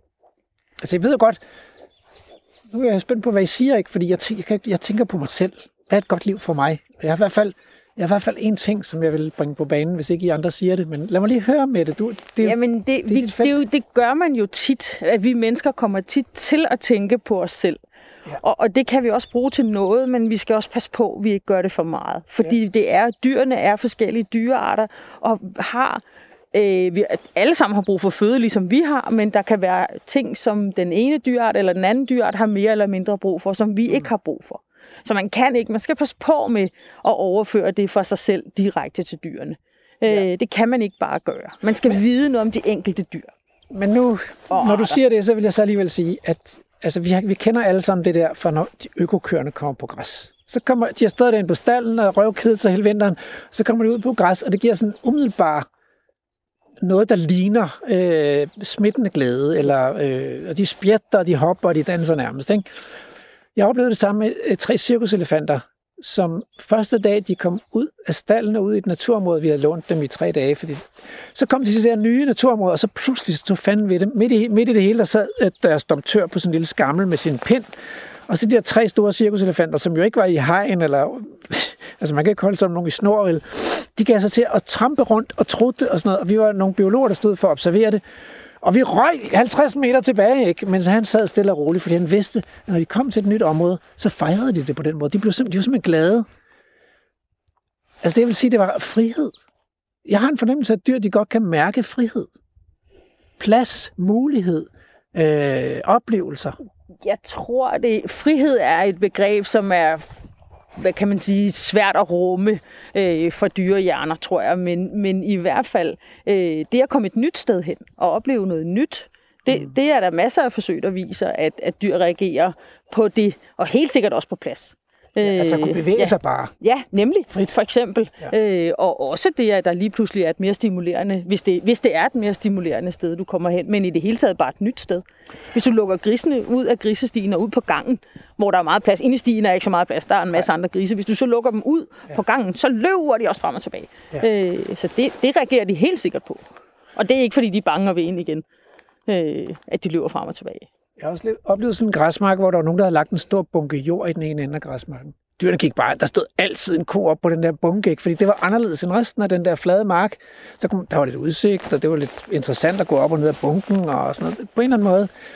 Og, og taler vi variationer og muligheder for at blive udfordret, så er det her jo et fantastisk område. Der er kuperet terræn, der er kratværk, der er træer, man kan knuppe sig op af, og der er alt muligt forskellige planter, man kan gå og smage på og sådan noget. Det er super varieret. Altså grise, de må jo også, det må også give dem et eller andet at blive lukket ud et sted, hvor de kan begynde at øh, knøfle i jorden. med Det gør det trynen. helt sikkert også. Ja. Det gør det. Det Okay, øhm, skal vi prøve at se, om vi kan finde nogle flere køer? er jo godt.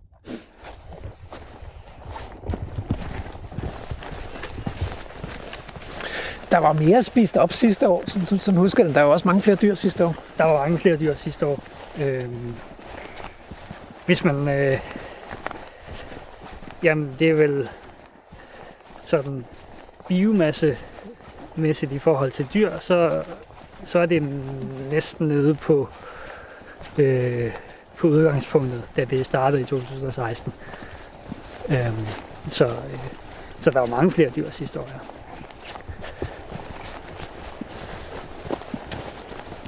Nå, Oscar, har du sådan en eller anden sjette sans for, hvor det er, man finder dyrene henne? Skal vi op, eller skal vi ned? Ja. Eller Jeg lige tror, vi skal opad. Vi skal opad. Vi prøver lige at gå opad. Ja, man må gå over det hele her. Det er ikke sådan, at man skal Ja, følge bestemte der- stier. Fuldstændig Må alle det? fri adgang til at se fødderne, hvor man, hvor man har lyst til. Er der nogen, der ikke må komme ind, eller må man komme ind, uanset om man er barn eller voksen, og i barnevogn, og må man cykle herinde? På mountainbike? Øhm, det, øh, det er der i hvert fald øh, folk, der gør. Ja. Øhm, så øh, ja, er der noget, du ikke må? Øhm, det, det er en mindre god idé at, øh, at tage sin øh, hund med og, og lade være med at have den i snor, for eksempel. Øhm, det, det er en meget dårlig idé. Man skal Øh, have sin hund i snor. ja. Det giver god mening. Øh, Må man ride herinde? Og, øh, og specifik ridning er, er også, øh, hvad hedder det, frabedt. Ja. Øhm, Så, må ikke ride. Det siger så, så der, er- hvad kan man sige, der er lidt der med, øh, med kæledyrene, som man skal holde øje med.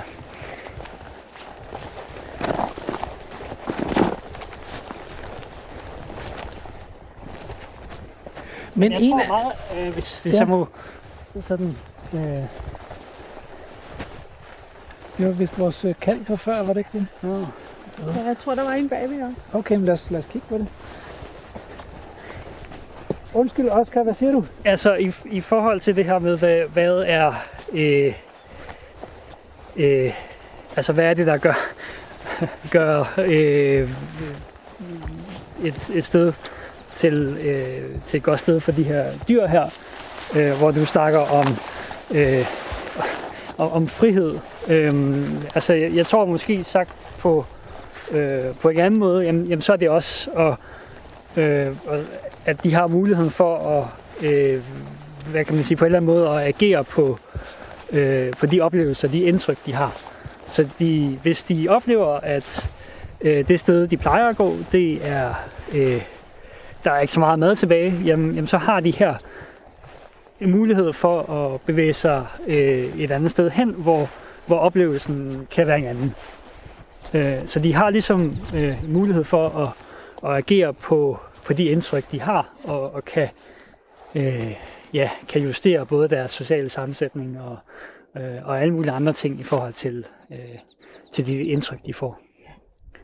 Altså når man snakker dyrevelfærd, så, så inddeler man tit øh, en, en almindelig måde at tilgå det på er at, at, at prøve at inddele de forskellige mål for dyrevelfærd i tre grupper. Så der er en gruppe, der handler om sundhed og funktion. Øh, hvor sunde er de? Hvordan fungerer de? Er de i stand til at få afkom, for eksempel? Øh, der er også noget produktion i det, hvis man har, hvis man ønsker en produktion. Så kunne det være mælkeydelse, for eksempel, man vil kigge på. Det ønsker man så ikke her, men det kunne man jo gøre, hvis man ønskede at slagte dem. Så ville det være tilvækst, man vil kigge på. Ja. Så, så er der en anden gruppe af indikatorer, som er dem, der har med dyrenes oplevelser, at dyrenes følelser, kan man sige, at gøre de positive og de negative oplevelser, som, som dyrene har.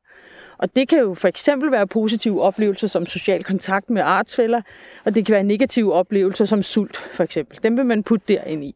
Og så har man en sidste gruppe, som er dem, der har med naturlighed at gøre. Er det naturligt, det de oplever? Det er lidt noget af det, du snakker om, Oscar. Øh, og og øh, egentlig så mange... Nogen mener, at for at have en god velfærd, så skal der være, være, så skal der være tegn på, at der er indikatorer fra alle tre typer, som er opfyldt. Men vi ved også, at vi mennesker, nogen vægter nogle af dem meget mere end andre. Nogle mennesker synes, det, det naturlige er det allervigtigste, mens nogle mennesker synes, at sult, eller hvad hedder det, følelser som sult og, og tørst og frygt er meget vigtige. At mens, undgå. At undgå, hvis ja. man vil have god Ja, selvfølgelig, at undgå. øh, og det naturlige er altså ikke noget, du skal undgå. Det skal du sigte efter, for at det bliver godt. Mm. Og øh, så er der igen nogen, der mener, at det her med sundhed og sygdom er rigtig vigtigt. Fordi nogle gange kan man jo godt få, at det faktisk dyrene kan for eksempel blive mere syge af at leve naturligt, eller nogle gange også mindre syge. De tre bobler, ligesom, de trækker ikke alle tre altid i samme retning. Mm. Så nogle gange skal man vælge, hvad man vægter. Og der vægter vi mennesker ikke. Det ved vi fra masser af undersøgelser. Vi mennesker, vi vægter ikke øh, tingene ens. Og det tænker jeg også er noget af det, som, som, øh, som, som I har mødt øh, her på Molslap, at der er mennesker, der vægter ting anderledes. Og øh, altså, det der med det naturlige, det er jo fristende at, at stille spørgsmål videre, fordi vi mennesker har jo egentlig sat os ud over det naturlige. Så for ikke så mange menneskegenerationer siden, så, så fik mennesker heller ikke nok at spise om vinteren. Og så døde man i marts, april, maj måned, altså når forårsluften ligesom var for stærk. Det betød virkelig, at man bare havde fået for få vitaminer og for lidt at spise om vinteren. Øh, men, vi, men vi har formået igennem mange generationer at kæmpe os ud af den der, ud af vores naturlige vilkår. Det er jo ikke særlig naturligt, at man bare kan gå ned hver eneste dag i øh, supermarkedet og få lige det, man har brug for. Det er overhovedet ikke naturligt, og vi har heller ikke ret mange dyr, mm, hvis overhovedet nogen. Jo, altså de rigtig vilde dyr er jo så naturlige, som de kan være, men selv der er der jo masser af begrænsninger og styret mm. enormt meget af mennesker. Ja, altså, og man, og man kan sige, de der vilde dyr, der lever ude i kulturlandskabet, de er jo typisk meget mad, fordi at vi ikke har tilladt, at der er så mange af dem. Øh, så for eksempel krondyr og, og dårdyr øh, lever jo i, i unaturligt lave tætheder, så de lever i et landskab, der er fuld af mad til dem. Hvis ikke man skød dem væk, øh, sådan som man gør i dag, øh, men lod dem blive så mange, så ville de blive 10 eller 20 doblet i antal, så ville man så ikke kunne drive landbrug længere, fordi så ville de jo lave så mange markskader derude. Øh, så, så de har enormt mange ressourcer. Og derfor ser det her også landskab, og det kunne vi jo godt lige prøve at beskrive, ikke? hvis man kigger ned her, så befinder vi os nu i marts måned, det vil sige, at dyrene er ved at have spist. Altså, vi vi er ved at være i bunden af vegetationen, fordi om lidt begynder væksten, og så kommer det hele op og blomstrer, og så kan dyrene ikke følge med og æde alt det vækst, der er. Men, men nu, er der ikke, nu er der ikke rigtig vokset hen over vinteren, så nu er der er simpelthen en, en super lav vegetation, og den er så lav og tæt, at, øh, at bunden er dækket af gyldne mosser, og, øh, og masser af rosetplanter, som for eksempel den her almindelige kongepind, eller øh, og der er en lille smule markbynke her, der er gnavet helt ned, og der er noget hønsetarm, og øh, der er en øh, knoldranunkel, der kommer herover langs sætvejbred herover. Plantearter, som, som skal bruge noget røllike, som skal bruge det her lys, der kommer ned til bunden, for at de kan sætte deres roset, og så kommer de så op og blomster, når det bliver forår og sommer. Og i det, i det ugræssede landskab, eller i det landskab, hvor der kun bliver spist op om sommeren, øh, der vil typisk, bunden typisk være dækket af dødt græs på nuværende tidspunkt. Så det er jo den direkte, kan man sige, positive effekt af, at der går dyr herude, som er sultne om vinteren, at de spiser op. Og det er jo sådan, der er spist så meget op, at der også bliver trådt lidt op, ikke? Fordi hvis, når dyrene går og jogger rundt i det om, øh, om vinteren, så betyder det også, at, at der bliver trådt op, og så bliver der nye spirebede øh, til planter, der kan spire i den der bare jord, og der, hvor der kommer lys ned til jorden. Men det er vel det, det viser jo, det er vel egentlig et rigtig godt eksempel på, at vi nogle gange vælger at gøre noget med dyr, som, som, øh, som vi gør af andre grunde. Mm. Øh, så så vi, vi vælger, at de skal græsse ned her, for at få biodiversiteten op blandt planterne. Eller vi vælger at lade være med at fodre og slagte kyllingernes forældre, fordi de skal kunne reproducere sig. Eller vi vælger at lade være med masser og masser af eksempler. Tænk, vi, det gælder også vores kæledyr. Alle de dyr, vores laboratoriedyr, som vi bruger til forsøg for eksempel. Masser og masser af dyr, som, som vi, eller hvad ved jeg, skadedyr, øh, som, som vi vælger at gøre øh, noget med af en grund. Og derfor så tillader vi os som mennesker at gøre noget. For eksempel at lade dem øh, Men det bringer jo spørgsmålet op her, og som, som jeg godt vil stille jer nu. Øh, Det er, er de her dyr et, øh, et værktøj til at opnå et bestemt mål, eller er de en del af målet? Så du øh, meld ind på den, Oscar. Ja, altså jeg, jeg ser det helt klart som en, en del af, af det mål, der er herude i forhold til at, at, at have et vildere økosystem. Fordi at det vildere økosystem består af, øh, hvad kan man sige, mange ting i forhold til naturlige processer, men det består også af en øh, af et samfund af, af nogle dyr, og, nogle, og også nogle store dyr, øh, som er ret komplekst, og som har en, en, en sammensætning af, øh, af mange forskellige arter. Og, øh, og lige når det kommer til øh, hvad hedder det, øh, de to arter, som, som vi har herude, jamen, jamen så er det jo, øh, hvad kan man sige, øh, øh, i vores konkrete tilfælde her, ja, så er det nogle, nogle domesticerede øh, individer, vi har af dem. Men, øh, men hvis vi kigger på, hvad det er for nogle arter, øh, så er det faktisk nogle arter, som har eksisteret i vores øh, europæiske økosystemer i, øh, hvad kan man sige, som, øh, som vildform øh, i, i rigtig lang tid. Øhm, Wow, så vildhest. Ja. Ja. Øh, så, så sådan i, i lidt øh, længere perspektiv, jamen, jamen, så er der også et, altså, øh, et, et mål i sig selv i at, øh, at forsøge at passe på øh, også dyrearter, men også alle de andre arter selvfølgelig. Øhm, så, øh, så jeg vil sige, at at det er ikke et, hvad kan man sige, det er ikke, det er ikke bare et redskab for at, at sørge for, at der er øh, lige præcis et lysåben lige her, og, og det er, øh, hvad kan man sige, endemålet med det. Men, men endemålet er, at, at vi har øh, mange naturlige processer og mange naturlige forstyrrelser, hvoraf de her, øh, hvad kan man sige, arter som, øh, som hest og, øh, og okse jo er, øh, hvad kan man sige, har nogle væsentlige bidrag i vores, øh, vores økosystemer. Øhm. Hvad tænker du øh, med det? Altså, er det, tænker du, ah, må I sgu, altså, det er jer, der sætter de her dyr ud, og I, det er jo bare for, at I vil have Mols Bjerge som lysåben græslandsnatur, og der kommer en på mountainbike der, fuld hammer. Undskyld afbrydelsen. Øh, så tænker du, det er værktøjer til at nå et mål for os mennesker, eller, eller accepterer du, at det, det er en del af de, den vilde natur nu? Nej, jeg tænker overvejende det første. Øh, for der er hegn. Øh, fordi de, ikke, de har ikke muligheden for at, og, øh, at vandre videre hen et andet sted, hvis, hvis de vil det. Øh, men jeg tænker sagtens, at man kan bruge dyrene som et mål til at nå det. Øh, nu kender jeg ikke til, til den øh, ligesom øh, hele bagtanken bag arbejdet herude. Jeg tænker som en, godt, man kunne øh, nå et mål om lysåbne områder og sådan noget, uden nødvendigvis at, at påvirke dyrene så meget i retning af, at de skal for eksempel så mange skal tabe sig så meget. Det kan jeg ikke sige dig helt præcis i det her konkrete tilfælde, som jeg ikke kender i detaljer, men jeg tænker, at hvis man vil begge dele, så kunne man måske godt begge dele.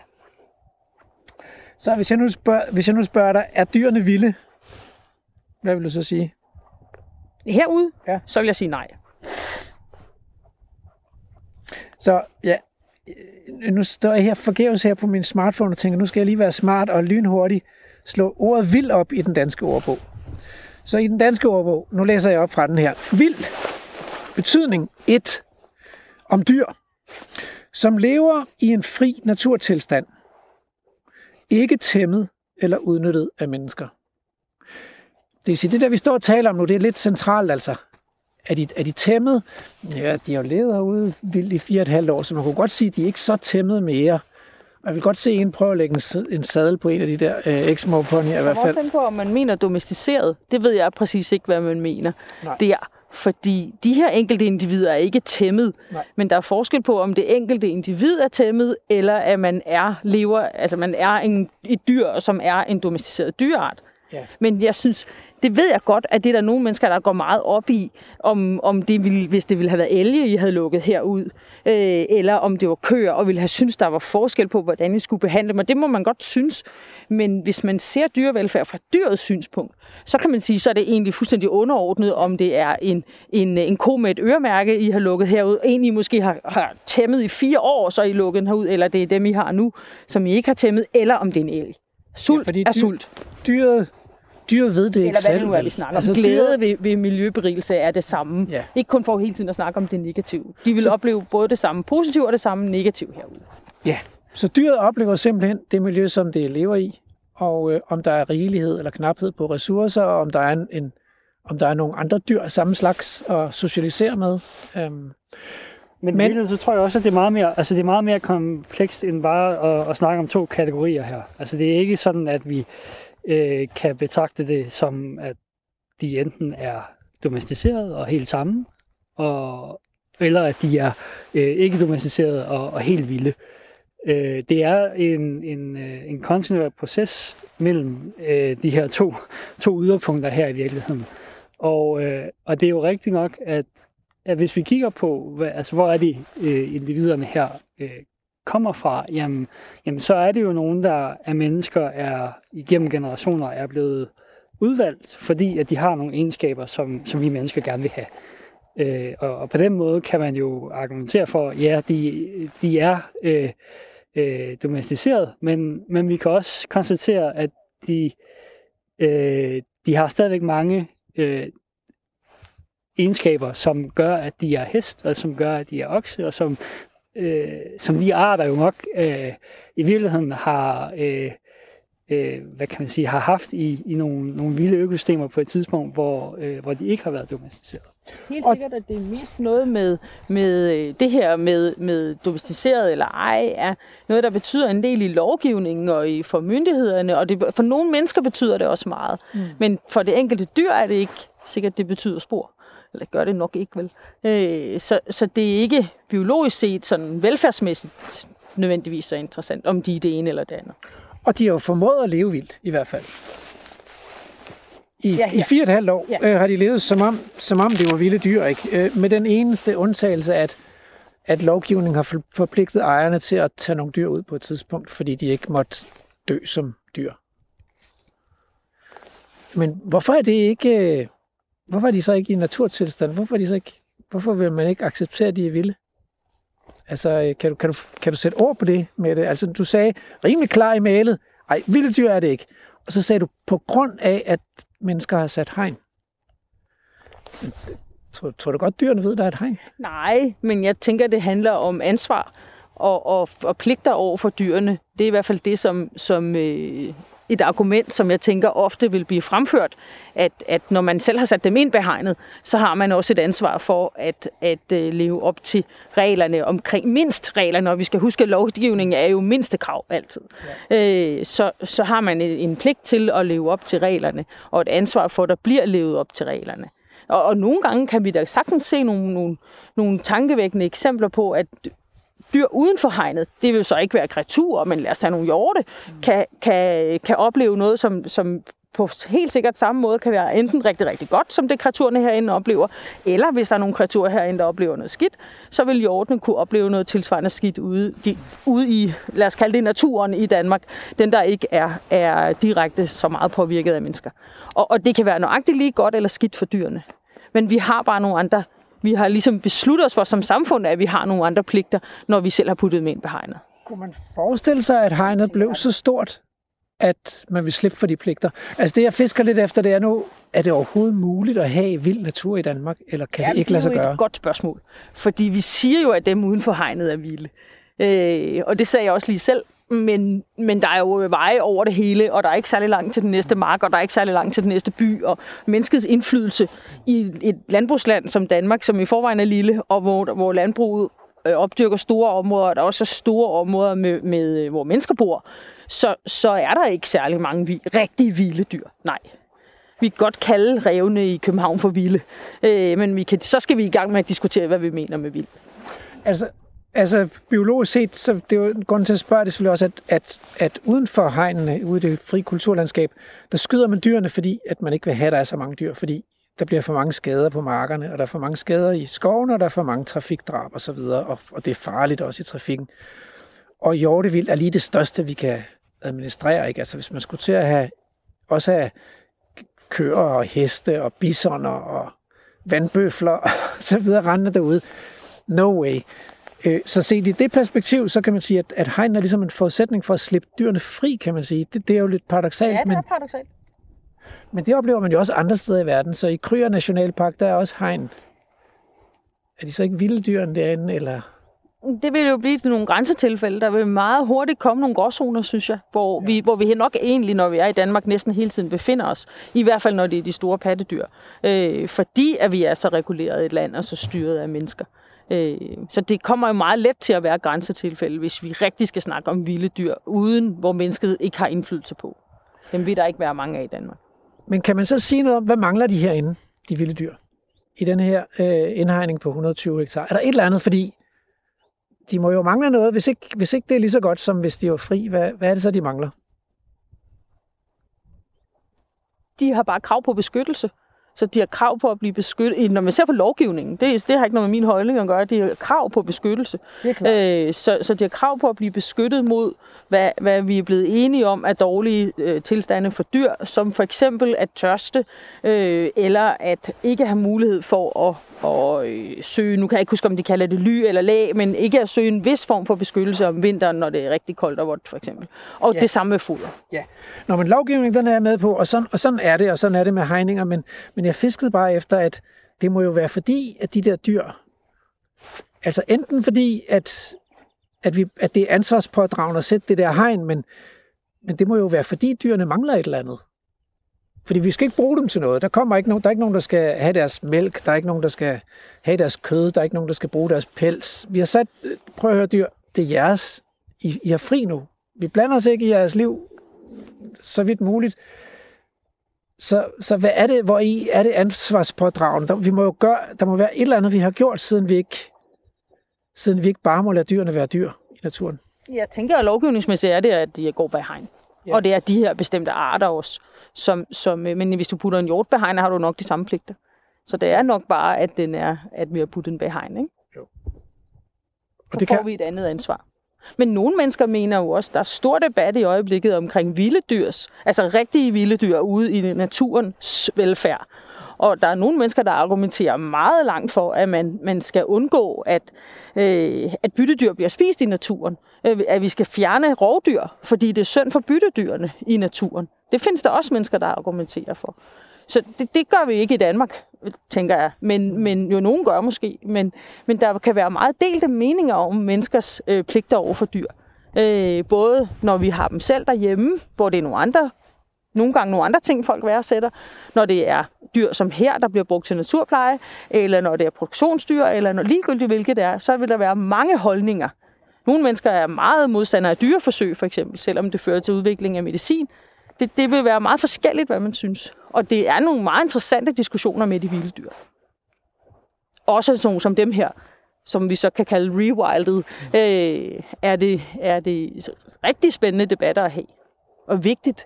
Altså noget af det, man kan, kan tænke over, hvis man sådan skal, skal tænke over, jamen, hvad, hvad, hvad betyder det, at, at de her, i hvert fald specifikt for store planteder, hvad betyder det, at de er vilde? Øh, hvad, der kan man jo spekulere over, jamen, hvad er det for nogle, øh, hvad er det for nogle muligheder, og hvad er det for nogle begrænsninger, de har i det her økosystem her. Øh, og, øh, og det er jo klart, at, øh, at ja, vi har et sted her, der, der er hegn omkring, men, men der er jo rigtig mange muligheder for at kunne, kunne udfolde et liv inden for, øh, hvad kan man sige, inden for det her areal her. Øh, modsat så vil man også godt kunne, øh, tror jeg, finde et areal med, med tilsvarende størrelse, hvor, øh, hvor de muligheder måske ville, ville være mindre. Øh, man må nok også kunne finde nogen, hvor, øh, hvor, det ville være, øh, hvor det ville være større. Øhm, så hvis så man- jeg, jeg, jeg tror, Hvis man skal beskrive de muligheder her, ja. så handler det om, at, at her er et, et åbent øh, terræn, der er meget kuperet, men der er også noget krat. Der er også, vi kan også kigge derover, der er noget birkeskov, og på den anden side, der er der noget egeskov, og så nede ved foden af bakkerne, der er der faktisk noget eng, og der er også noget mose, hvor der kommer grundvand ud og, og bliver sådan en lidt anden vegetation. Så på den måde, så er det utrolig varieret. Der er mange muligheder for læg, der er mange muligheder for forskellige fødesøgning på forskellige tidspunkter af året. Og det er jo klart, at man kunne godt forestille sig en, en helt flad stranding på 120 hektar, hvor der ikke var meget at vælge imellem.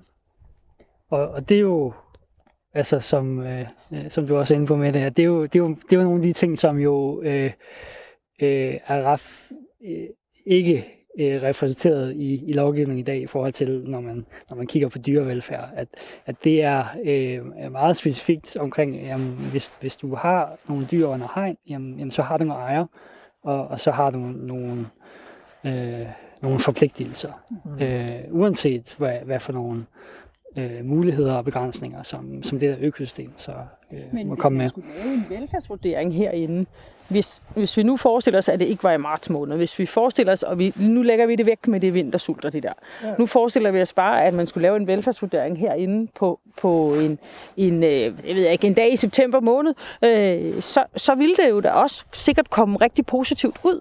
Fordi at du vil alle de forskellige indikatorer, som man kan finde på at kigge efter, når man vurderer velfærd. Hvis vi legede, det var et produktionssystem. Øh, og der er også nogen, der udvikler systemer til at vurdere velfærd hos dyr under mere semi-naturlige, eller sådan mere naturlige end semi. Øh, og og øh, så, så vil det helt givet falde, falde meget positivt ud. Øh, det er svært ved at se andet. Øh, så kan det kommer det igen lidt an på, hvad man vægter. Om man vil kigge efter for eksempel, nu ved jeg ikke, om de har mange parasitter, men det er jo sådan noget, som, som dyr, der bliver holdt under frie forhold, tit har øh, flere parasitter, end de har i stallene. Så det er ikke de samme. Øh, til, så har de en masse andre dårligdomme i stallene. Det er ikke, fordi jeg siger, at stallene er, er bedre, men det er tit ikke de samme ting. Det, nogle gange er det, det bliver en afvejning, fordi man måler på noget, når de har alle de her muligheder, som de her dyr har herude. Og du har ret, Rasmus, der er rigtig mange muligheder. Øh, og, og øh, sammenlignet med dyr, der, der har et meget miljø, eller hvad er det, stimulusfattigt miljø. Øh, så det, man skal afveje en lille smule æbler og pærer. Det er det, som en, folk, der laver velfærdsvurdering, gør.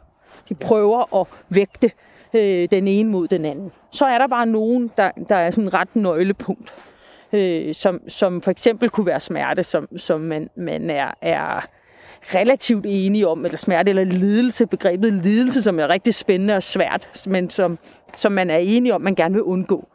De fleste vil gerne undgå det, for eksempel, hvis du gerne vil snakke om døden. Ja, altså ledelsen, det, der, der kommer jeg sådan til at tænke på nogle af de, øh, øh, nogle, når jeg skal journalisere sager og tidsregistrere og lave rejseafregninger på Aarhus Universitet. Det er sådan det, jeg tænker på med lidelse. Øh, fordi jeg får sådan en inderlig kvalme og, og livslede, hver gang jeg skal igennem det. Øh, og det forbinder jeg med, faktisk med ufrihed. Så det er et spørgsmål om, at der er nogen, der har lavet nogle regler, som jeg skal opfylde på et tidspunkt, hvor jeg havde lyst til at udfolde alle mulige andre aspekter af mit liv. Ikke? Som forsker, der vil man gerne være kreativ og original og sådan noget. Det har i hvert fald ikke noget at gøre med tidsregistrering. Øhm, altså jeg kan ikke komme, lade være med at komme tilbage til det her med frihed. Jeg vil vælge det her liv herude. Øh, med socialisering, med resten af gruppen, med artsfælder, med mulighed for parring, med mulighed for naturlig yngelpleje, øh, også selvom jeg så skulle tage en lidt lang vinter med. Også selvom jeg ville blive lidt øh, lige knap så gammel, ikke? Altså på en eller anden måde, så er det der, altså ufrihed og isolationsfængsling, det er sådan set tortur på en eller anden måde. Det er det givet for mennesker. Ja. Øh, men, men øh, og, og vi... Altså, det er svært. Det er, man, man bruger faktisk rigtig meget, når man skal finde ud af, hvad dyr har brug for. Hvad for nogle behov har dyr. Så bruger man faktisk at lade dem vælge. Det, det er en, en, en af flere anvendte metoder til at finde ud af, hvad har de brug for. Det vi bare tit oplever, det er, at de vælger meget kortsigtet. Fordi du kan godt forstå, Rasmus, at hvis du vælger, okay, jeg vil herud, så bliver det koldt i nat, når du ikke har din dyne. Det kan du allerede nu godt tænke dig frem til. Har del med dejligt her i solen, men, men det bliver koldt i aften. Det gør det. Ja, øh, det, det, øh, og det, jeg siger det ikke for at sige, at dyrene fryser, for de har masser af pels, men, mm. men du, det har du jo ikke. Øh, men, men når man lader dyr vælge ting, så vælger de kortsigtet. Det er der masser af undersøgelser, der viser. Så man, det er en, en svær måde. De kan ikke gennemskue langtidskonsekvenserne øh, af deres valg på samme måde, som vi kan. I hvert fald ikke de her dyrearter. Ej, jeg kunne godt tænke mig, Så altså, vi kan ikke bruge det til at se, hvad de vælger. sådan noget forskning der. Kunne man, kunne man forestille sig, at man her satte sådan en stald op med, med varme og rigelig foder? Og hvis hestene gik derind og valgte den, så blev de lukket inde. Ja, men det kunne man sagtens forestille sig. Det er faktisk sjovt, du siger det, fordi der er... er øh, øh, men det, det, er jo, det er jo noget af den viden, jeg synes, man mangler omkring rewildede dyr i det hele taget. Det, det er jo et område, som er super spændende, også rent velfærdsmæssigt og adfærdsmæssigt. Og øh, jeg kan ikke lige her øh, redegøre for de forsøg, der har været lavet med rewilding, men jeg kan i hvert fald komme i tanke om et eksempel med æglæggende høner som når, de, når, de, når ægget er lige klar til at blive lagt, så er hønen meget motiveret. Altså, så, så har hun trykken, og hun, nu vil hun gerne lægge det her æg. Øh, og så er hun meget motiveret for at finde et sted, hvor der er en rede, lidt aflukket, lidt mørkt, så, så hun kan gå derhen og, og, øh, og lægge ægget. Og der har man prøvet at lade høner vælge, øh, om de ville, når de var i den her, åh, det er nu, jeg skal lægge det æg, så, så, øh, så tilbød man dem en, en, øh, en rede, en, som de gerne ville have. Man vidste, det noget, der var en attraktiv rede, men hvor de blev spærret inden 24 timer bagefter. Lige præcis som du siger. Det forsøg har faktisk været lavet, og de valgte redden alligevel. Fordi de, de tænker kun så kortsigtet. Øh, jeg skal altså have det godt, en rede ikke med æg, men... Måske med noget ja, andet. Ja. Ja. Øh, så, men så det vil jo være rigtig, rigtig spændende at lave sådan nogle undersøgelser. For Ja. eksempel på områder som herude. Det er jo, det er jo en, en, øh, jeg kan også blive meget motiveret af det. Det er jo ja. en, en, en kravlegård for, for, øh, for adfærds- og velfærdsstudier på de her dyr, som det er ærgerligt, at der ikke er nogen, der laver. Hey, vil I være med til at bevæge jer lidt, fordi øh, apropos temperatur, og øh, jeg har ikke så meget pels, det er jo rigtigt nok. Jamen altså, jeg er jo ikke helt, øh, det er ikke, jeg er ikke helt lykkes med at overvise, i hvert fald dig med det, om at de her dyr, de er, de er vilde, rigtig vilde. Og heller ikke om, at, øh, at dyrene ikke er et værktøj, som, og, og, og, så, så vi er nået til der, hvor, som du siger, at, og det er jo lovgivningen giver dig jo ret, at, øh, at mennesket har et ansvar for, at dyrene har det godt. Okay. Øhm, og derfor så bliver de jo så taget ud. Det gør man jo også andre steder i landbruget. Man tager jo dyr ud hele tiden, og så kører man dem på slagteri og slagter dem. Og det vil sige, at, at dyr bliver meget sjældent gamle i Danmark. Altså store pattedyr, landlevende pattedyr, de bliver enten slagtet eller skudt af en jæger, eller de, de går ikke sådan og bliver gamle og dør af alderdom. Nej. Som man jo ellers synes, at det, det er jo et velfærdsgode for mennesker, at vi får lov til at dø af alderdom. Øhm, Det er en anden diskussion, tror jeg. Ja. Ja, men, men, det, men nu nærmer vi os jo programmets slutning, og, og, øh, og livets slutning, det er jo døden. Det må vi jo se i øjnene, uanset hvordan vi lever livet, så ender det med døden. Øhm, så kunne man ikke argumentere for, nu er jeg lidt nysgerrig altså, kunne man ikke argumentere for, at dyrene, ligesom at dyrene skal have ret til deres, deres gode frie liv, så skal de også have ret til deres egen død. Der er sådan en, som om der er sådan en moralsk forestilling om, at vi gør dyrene en tjeneste ved at, ved at udfri dem fra livet. Altså, det udfri dem, det betyder til dem, de bare får en kugle, eller på anden måde bliver ombragt, og så at slutter deres liv jo der. Men er det egentlig overhovedet noget, dyrene ønsker?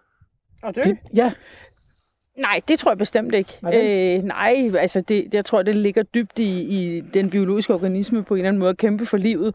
Øh, men, men vi vælger alligevel som mennesker at sige, at vi har en pligt til, at det ikke skal blive alt for træls for dyrene. Så der er nogle ting, som vi, hvis det er nogen, vi vil aflive, så, så har man på et tidspunkt, så skal man aflive sin kæledyr, ellers overtræder man også en grænse, selvom man en, en lovgivningsmæssig grænse, og nogen vil også mene en moralsk grænse. Mm.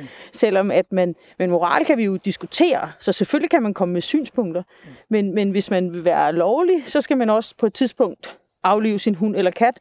Så selvom man ønsker, at den skal dø af alderdom, så er det ikke altid lovligt at lade den gøre det.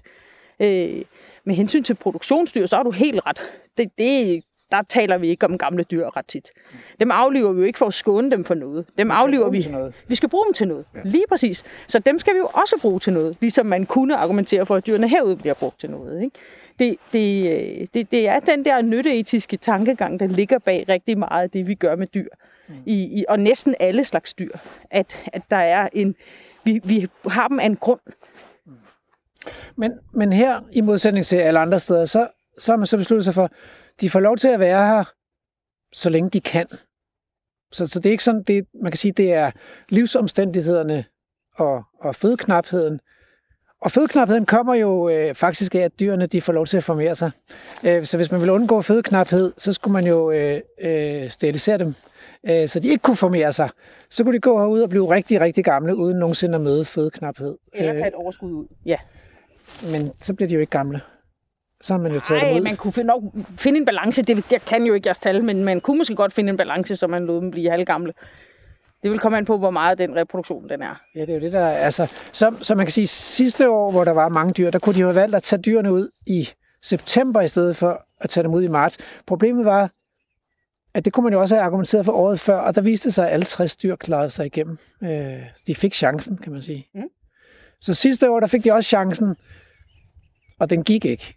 Og så tog man dem så ud, inden det blev rigtig slemt. Ja, det er jo det. det, er jo, og det er jo sådan reglerne er, at det er muligt at gøre. Ja. Øh, og det vil være, at man ender i en eller anden moralsk diskussion om, hvad... Og der, kan, der er jo ikke noget, der nødvendigvis er rigtigt og forkert. Der er nogle love, men som vi kan være enige i eller ej, og forsøge at ændre, hvis det er det, vi vil, men som vi skal følge selvfølgelig. Men, men, øh, men om man vil sige, vi, vi, øh, vi ønsker, at de skal blive meget gamle, så gamle som muligt, fordi det er en værdi at blive gammel. Det er for dyret at have, have oplevet mange sommer, eller hvad det nu kan være. Det, det er et spørgsmål. Jeg ved ikke, om det er en værdi for dyret at have levet længe. Det er der nogen, der mener. Det er der helt sikkert nogen, der mener, at man skal lade dyrene leve, så længe de kan. Og det kan også være, altså, det er et synspunkt, som så mange andre synspunkter. Ja. Men om dyret ved det, at jeg er fire år, eller jeg er syv år, det ved jeg ikke. Men, Man, man kan sige, altså, sådan i, i, altså, i forhold til det her med, at man bare kan gøre noget andet, øh, kunne man tage, tage ungerne fra, eller kan man øh, sterilisere dem, eller kan man, kan man gøre et eller andet andet. Øh, og der er, altså, der er nogle, nogle diskussionspunkter der i forhold til øh, for eksempel, øh, hvad er det, vi, vi gerne vil, vil reducere? Fordi hvis, hvis vi vælger at tage, øh, tage alle øh, afkommet ud hvert år for eksempel, jamen, jamen så, så introducerer du jo sådan set også, i og med at du, du laver de handlinger, så introducerer du også noget, noget yderligere lidelse, som, som ikke nødvendigvis ville være der, hvis, hvis vi nu bare lod øh, de her individer gå her. Jamen det er rigtigt, Øhm, hvis det er en så- mild vinter for eksempel. Ja, så, så, så hvis man sådan kigger på den, den totale lidelse i sådan et system her, jamen, jamen så er det ikke nødvendigvis det, øh, måden at minimere lidelse på, det er ikke at, at, at tage nogle, nogle enkelte, eller tage, tage afkom ud hver, hvert år for eksempel. Øh, og Altså, og, og den vil jeg godt følge op med at sige, jeg synes, det virkede lidelsesfuldt, da man fjernede de der dyr sidste år. Altså, og jeg kunne ikke lade være med at også, øh, det er virkelig måske barnligt, men altså at sige, hvordan, hvordan vil jeg, hvordan føles det for mig, ikke? Og så, og så have den der følelse af, var det bedre, at de fik lov til at dø på arealet sammen med deres artsfælder i den flok, som de nu var vokset op og havde levet livet sammen med, uden at der kom nogen og skød dem, eller gav dem en sprøjte, eller sådan noget. Men bare, at kunne livet bare have gået sin gang, ville det have været, ville det have været lige så skånsomt og hensynsfuldt over for de der dyr, som det var at splitte flokken ad på det pågældende tidspunkt. Jeg stiller et åbent spørgsmål her, fordi det, var, det, det, tanken slår ned i mig simpelthen. Altså Mette, du står og nikker, men sig et eller andet. Er- er Ja, det men jeg tænker, ting? ja, nej, jeg synes ikke, du er helt åndssvag, Rasmus, men, men, men jeg synes, det, det vil være, det er nogle afvejninger, der er meget svære at lave, øh, om det ene er bedre end det andet, for der, der er dårligt i det hele, det du snakker om sådan set, ikke? for det er dårligt at skille flokken ad. Øh, det vil det være.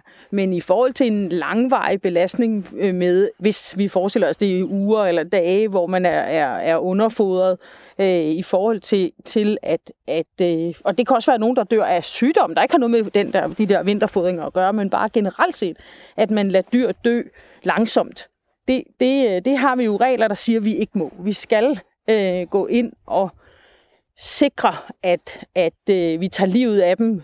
Øh, jeg kan ikke huske den rette ordlyden lige præcis, men det skal foregå på en måde, så man gør det så skånsomt, som man kan. Og nogle gange er det ikke så skånsomt, men så har man det der, som man kan. Så jeg ville synes, at det var mere skånsomt at aflive dem, ja. Øh, og, og selvom man så skulle, at, at de andre dyr i flokken så ville mangle den, der var død, ja.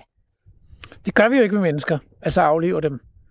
Og, Nej. og, og nogle mennesker dør, så er det tit efter svækkelse, når man har holdt op med at tage føde og væske til sig, og på et tidspunkt, hvor man ville være faldet for huldkriterierne 10 gange i hvert fald, øh, inden man dør. Og det kan nogle gange være en langtrukken affære. ikke mennesker. Og selvom biologi og evolution er elastik og ikke kæmpe store trin, så, så, øh, så er der alligevel en forskel, fordi det er os, der har påført dem det. Øh, Det er i hvert fald den moralske øh, hvad kan man sige, grundholdning, der typisk bliver lagt. Ikke? Men er det i dyrenes interesse eller i vores interesse, at, at de skal af med livet på det tidspunkt der? Nej, men strengt taget ville det jo ikke være i deres interesse overhovedet at blive aflivet der. Men hvis jeg nu skulle være lidt, så ville det slet ikke være i deres interesse at tabe sig så meget. Så skulle man have taget nogen ud og fodret på dem på en stald hen over vinteren, og så sat dem ind igen i marts, øh, hvis man ønskede det enkelte individs interesse. Det ved jeg godt har nogle andre ulemper for, for projekterne, men, men hvis det er det enkelte individs interesse, man vil tage hensyn til, så, så gør man det hverken med den ene eller den anden, synes jeg. Men og det er jo det, der er, er hvad kan man sige, dilemmaet i, i, i- sådan nogle øh, projekter her, nemlig at, at det, der er individets interesse, er ikke nødvendigvis interessen for, øh, hvad kan man sige, økosystemet som sådan.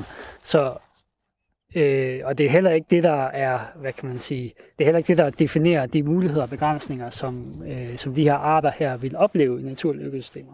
der vil de jo opleve, at at de på et tidspunkt, fordi, øh, som du også har været inde på, jo øh, ikke laver langsigtede beslutninger. De laver ikke, hvad kan man sige, øh, strategiske beslutninger og siger, nu gemmer vi øh, noget mad, så, så vi kan overleve, eller vil det være med at reproducere, så, øh, så os, der er her nu, vi kan, vi kan få lov at overleve.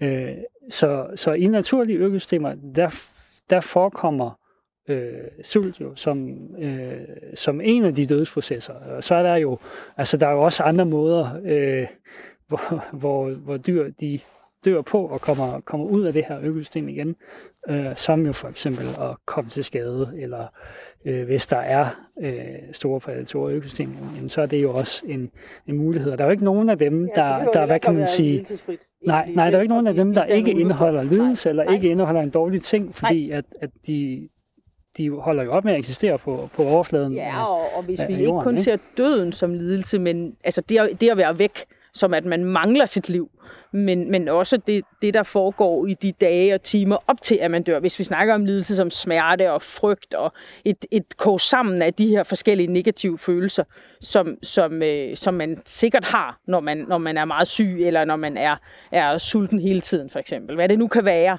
øh, så, så øh, det, er jo, det, det vil jo også være lidelsesfuldt at dø i naturen. Det vil det jo også altid være. Okay. De vil jo også blive spist af rovdyr og så videre, og de vil have smerter, og det vil kun blive halvt spist, og det vil være lang tid om at dø. Øh, Så der er lidelse alle vegne. Så har jeg simpelthen et spørgsmål. Kunne man forestille sig, at der også kan være noget smukt ved døden? Fordi det er som om, at hver gang vi taler om døden, så skal der, så skal der knyttes en lidelse til den, men, men livet er jo smukt, og det slutter med døden, og det er helt sikkert. Kunne man også forestille sig, at døden kunne være smuk? Altså, at en naturlig dødsproces kunne være smuk, og også selvom der var lidt smerte involveret? det bliver et meget filosofisk spørgsmål, som, og det kunne man da sikkert godt, men, men hvis man lægger det i en, i en, hvad skal man sige, dyrevelfærdskontekst, så er det det, vi vil undgå, at der er smerte og lidelse involveret. Så vil vi gerne have, at dyrene dør så hurtigt, som, som, øh, som det er muligt. Øh, og, og nogle gange er det ikke særlig muligt at gøre det særlig hurtigt, desværre, men, men det er det, som man ønsker at de skal dø hurtigt. Øh, der er det det, det negative, de negative i smerterne og frygten osv., som man vil undgå. Jeg tror simpelthen, det bliver de sidste ord her. Vi sluttede med døden, og øh, sådan ender vi alle sammen vores dage. Tusind tak, øh, Oscar Lisset Bryds Hansen, øh, og tusind tak til Mette Herskin. Det var en fornøjelse. Så tak.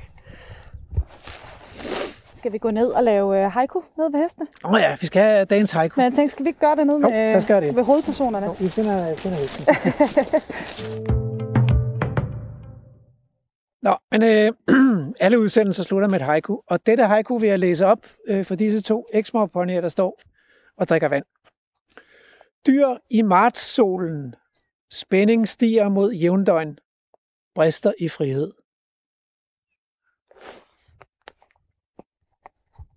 Ikke som om de reagerede sådan mega voldsomt på det. De jubler. Så som over på poesi. Programmet er produceret af Folkeuniversitetet og Aarhus Universitetsforlag for Radio 4.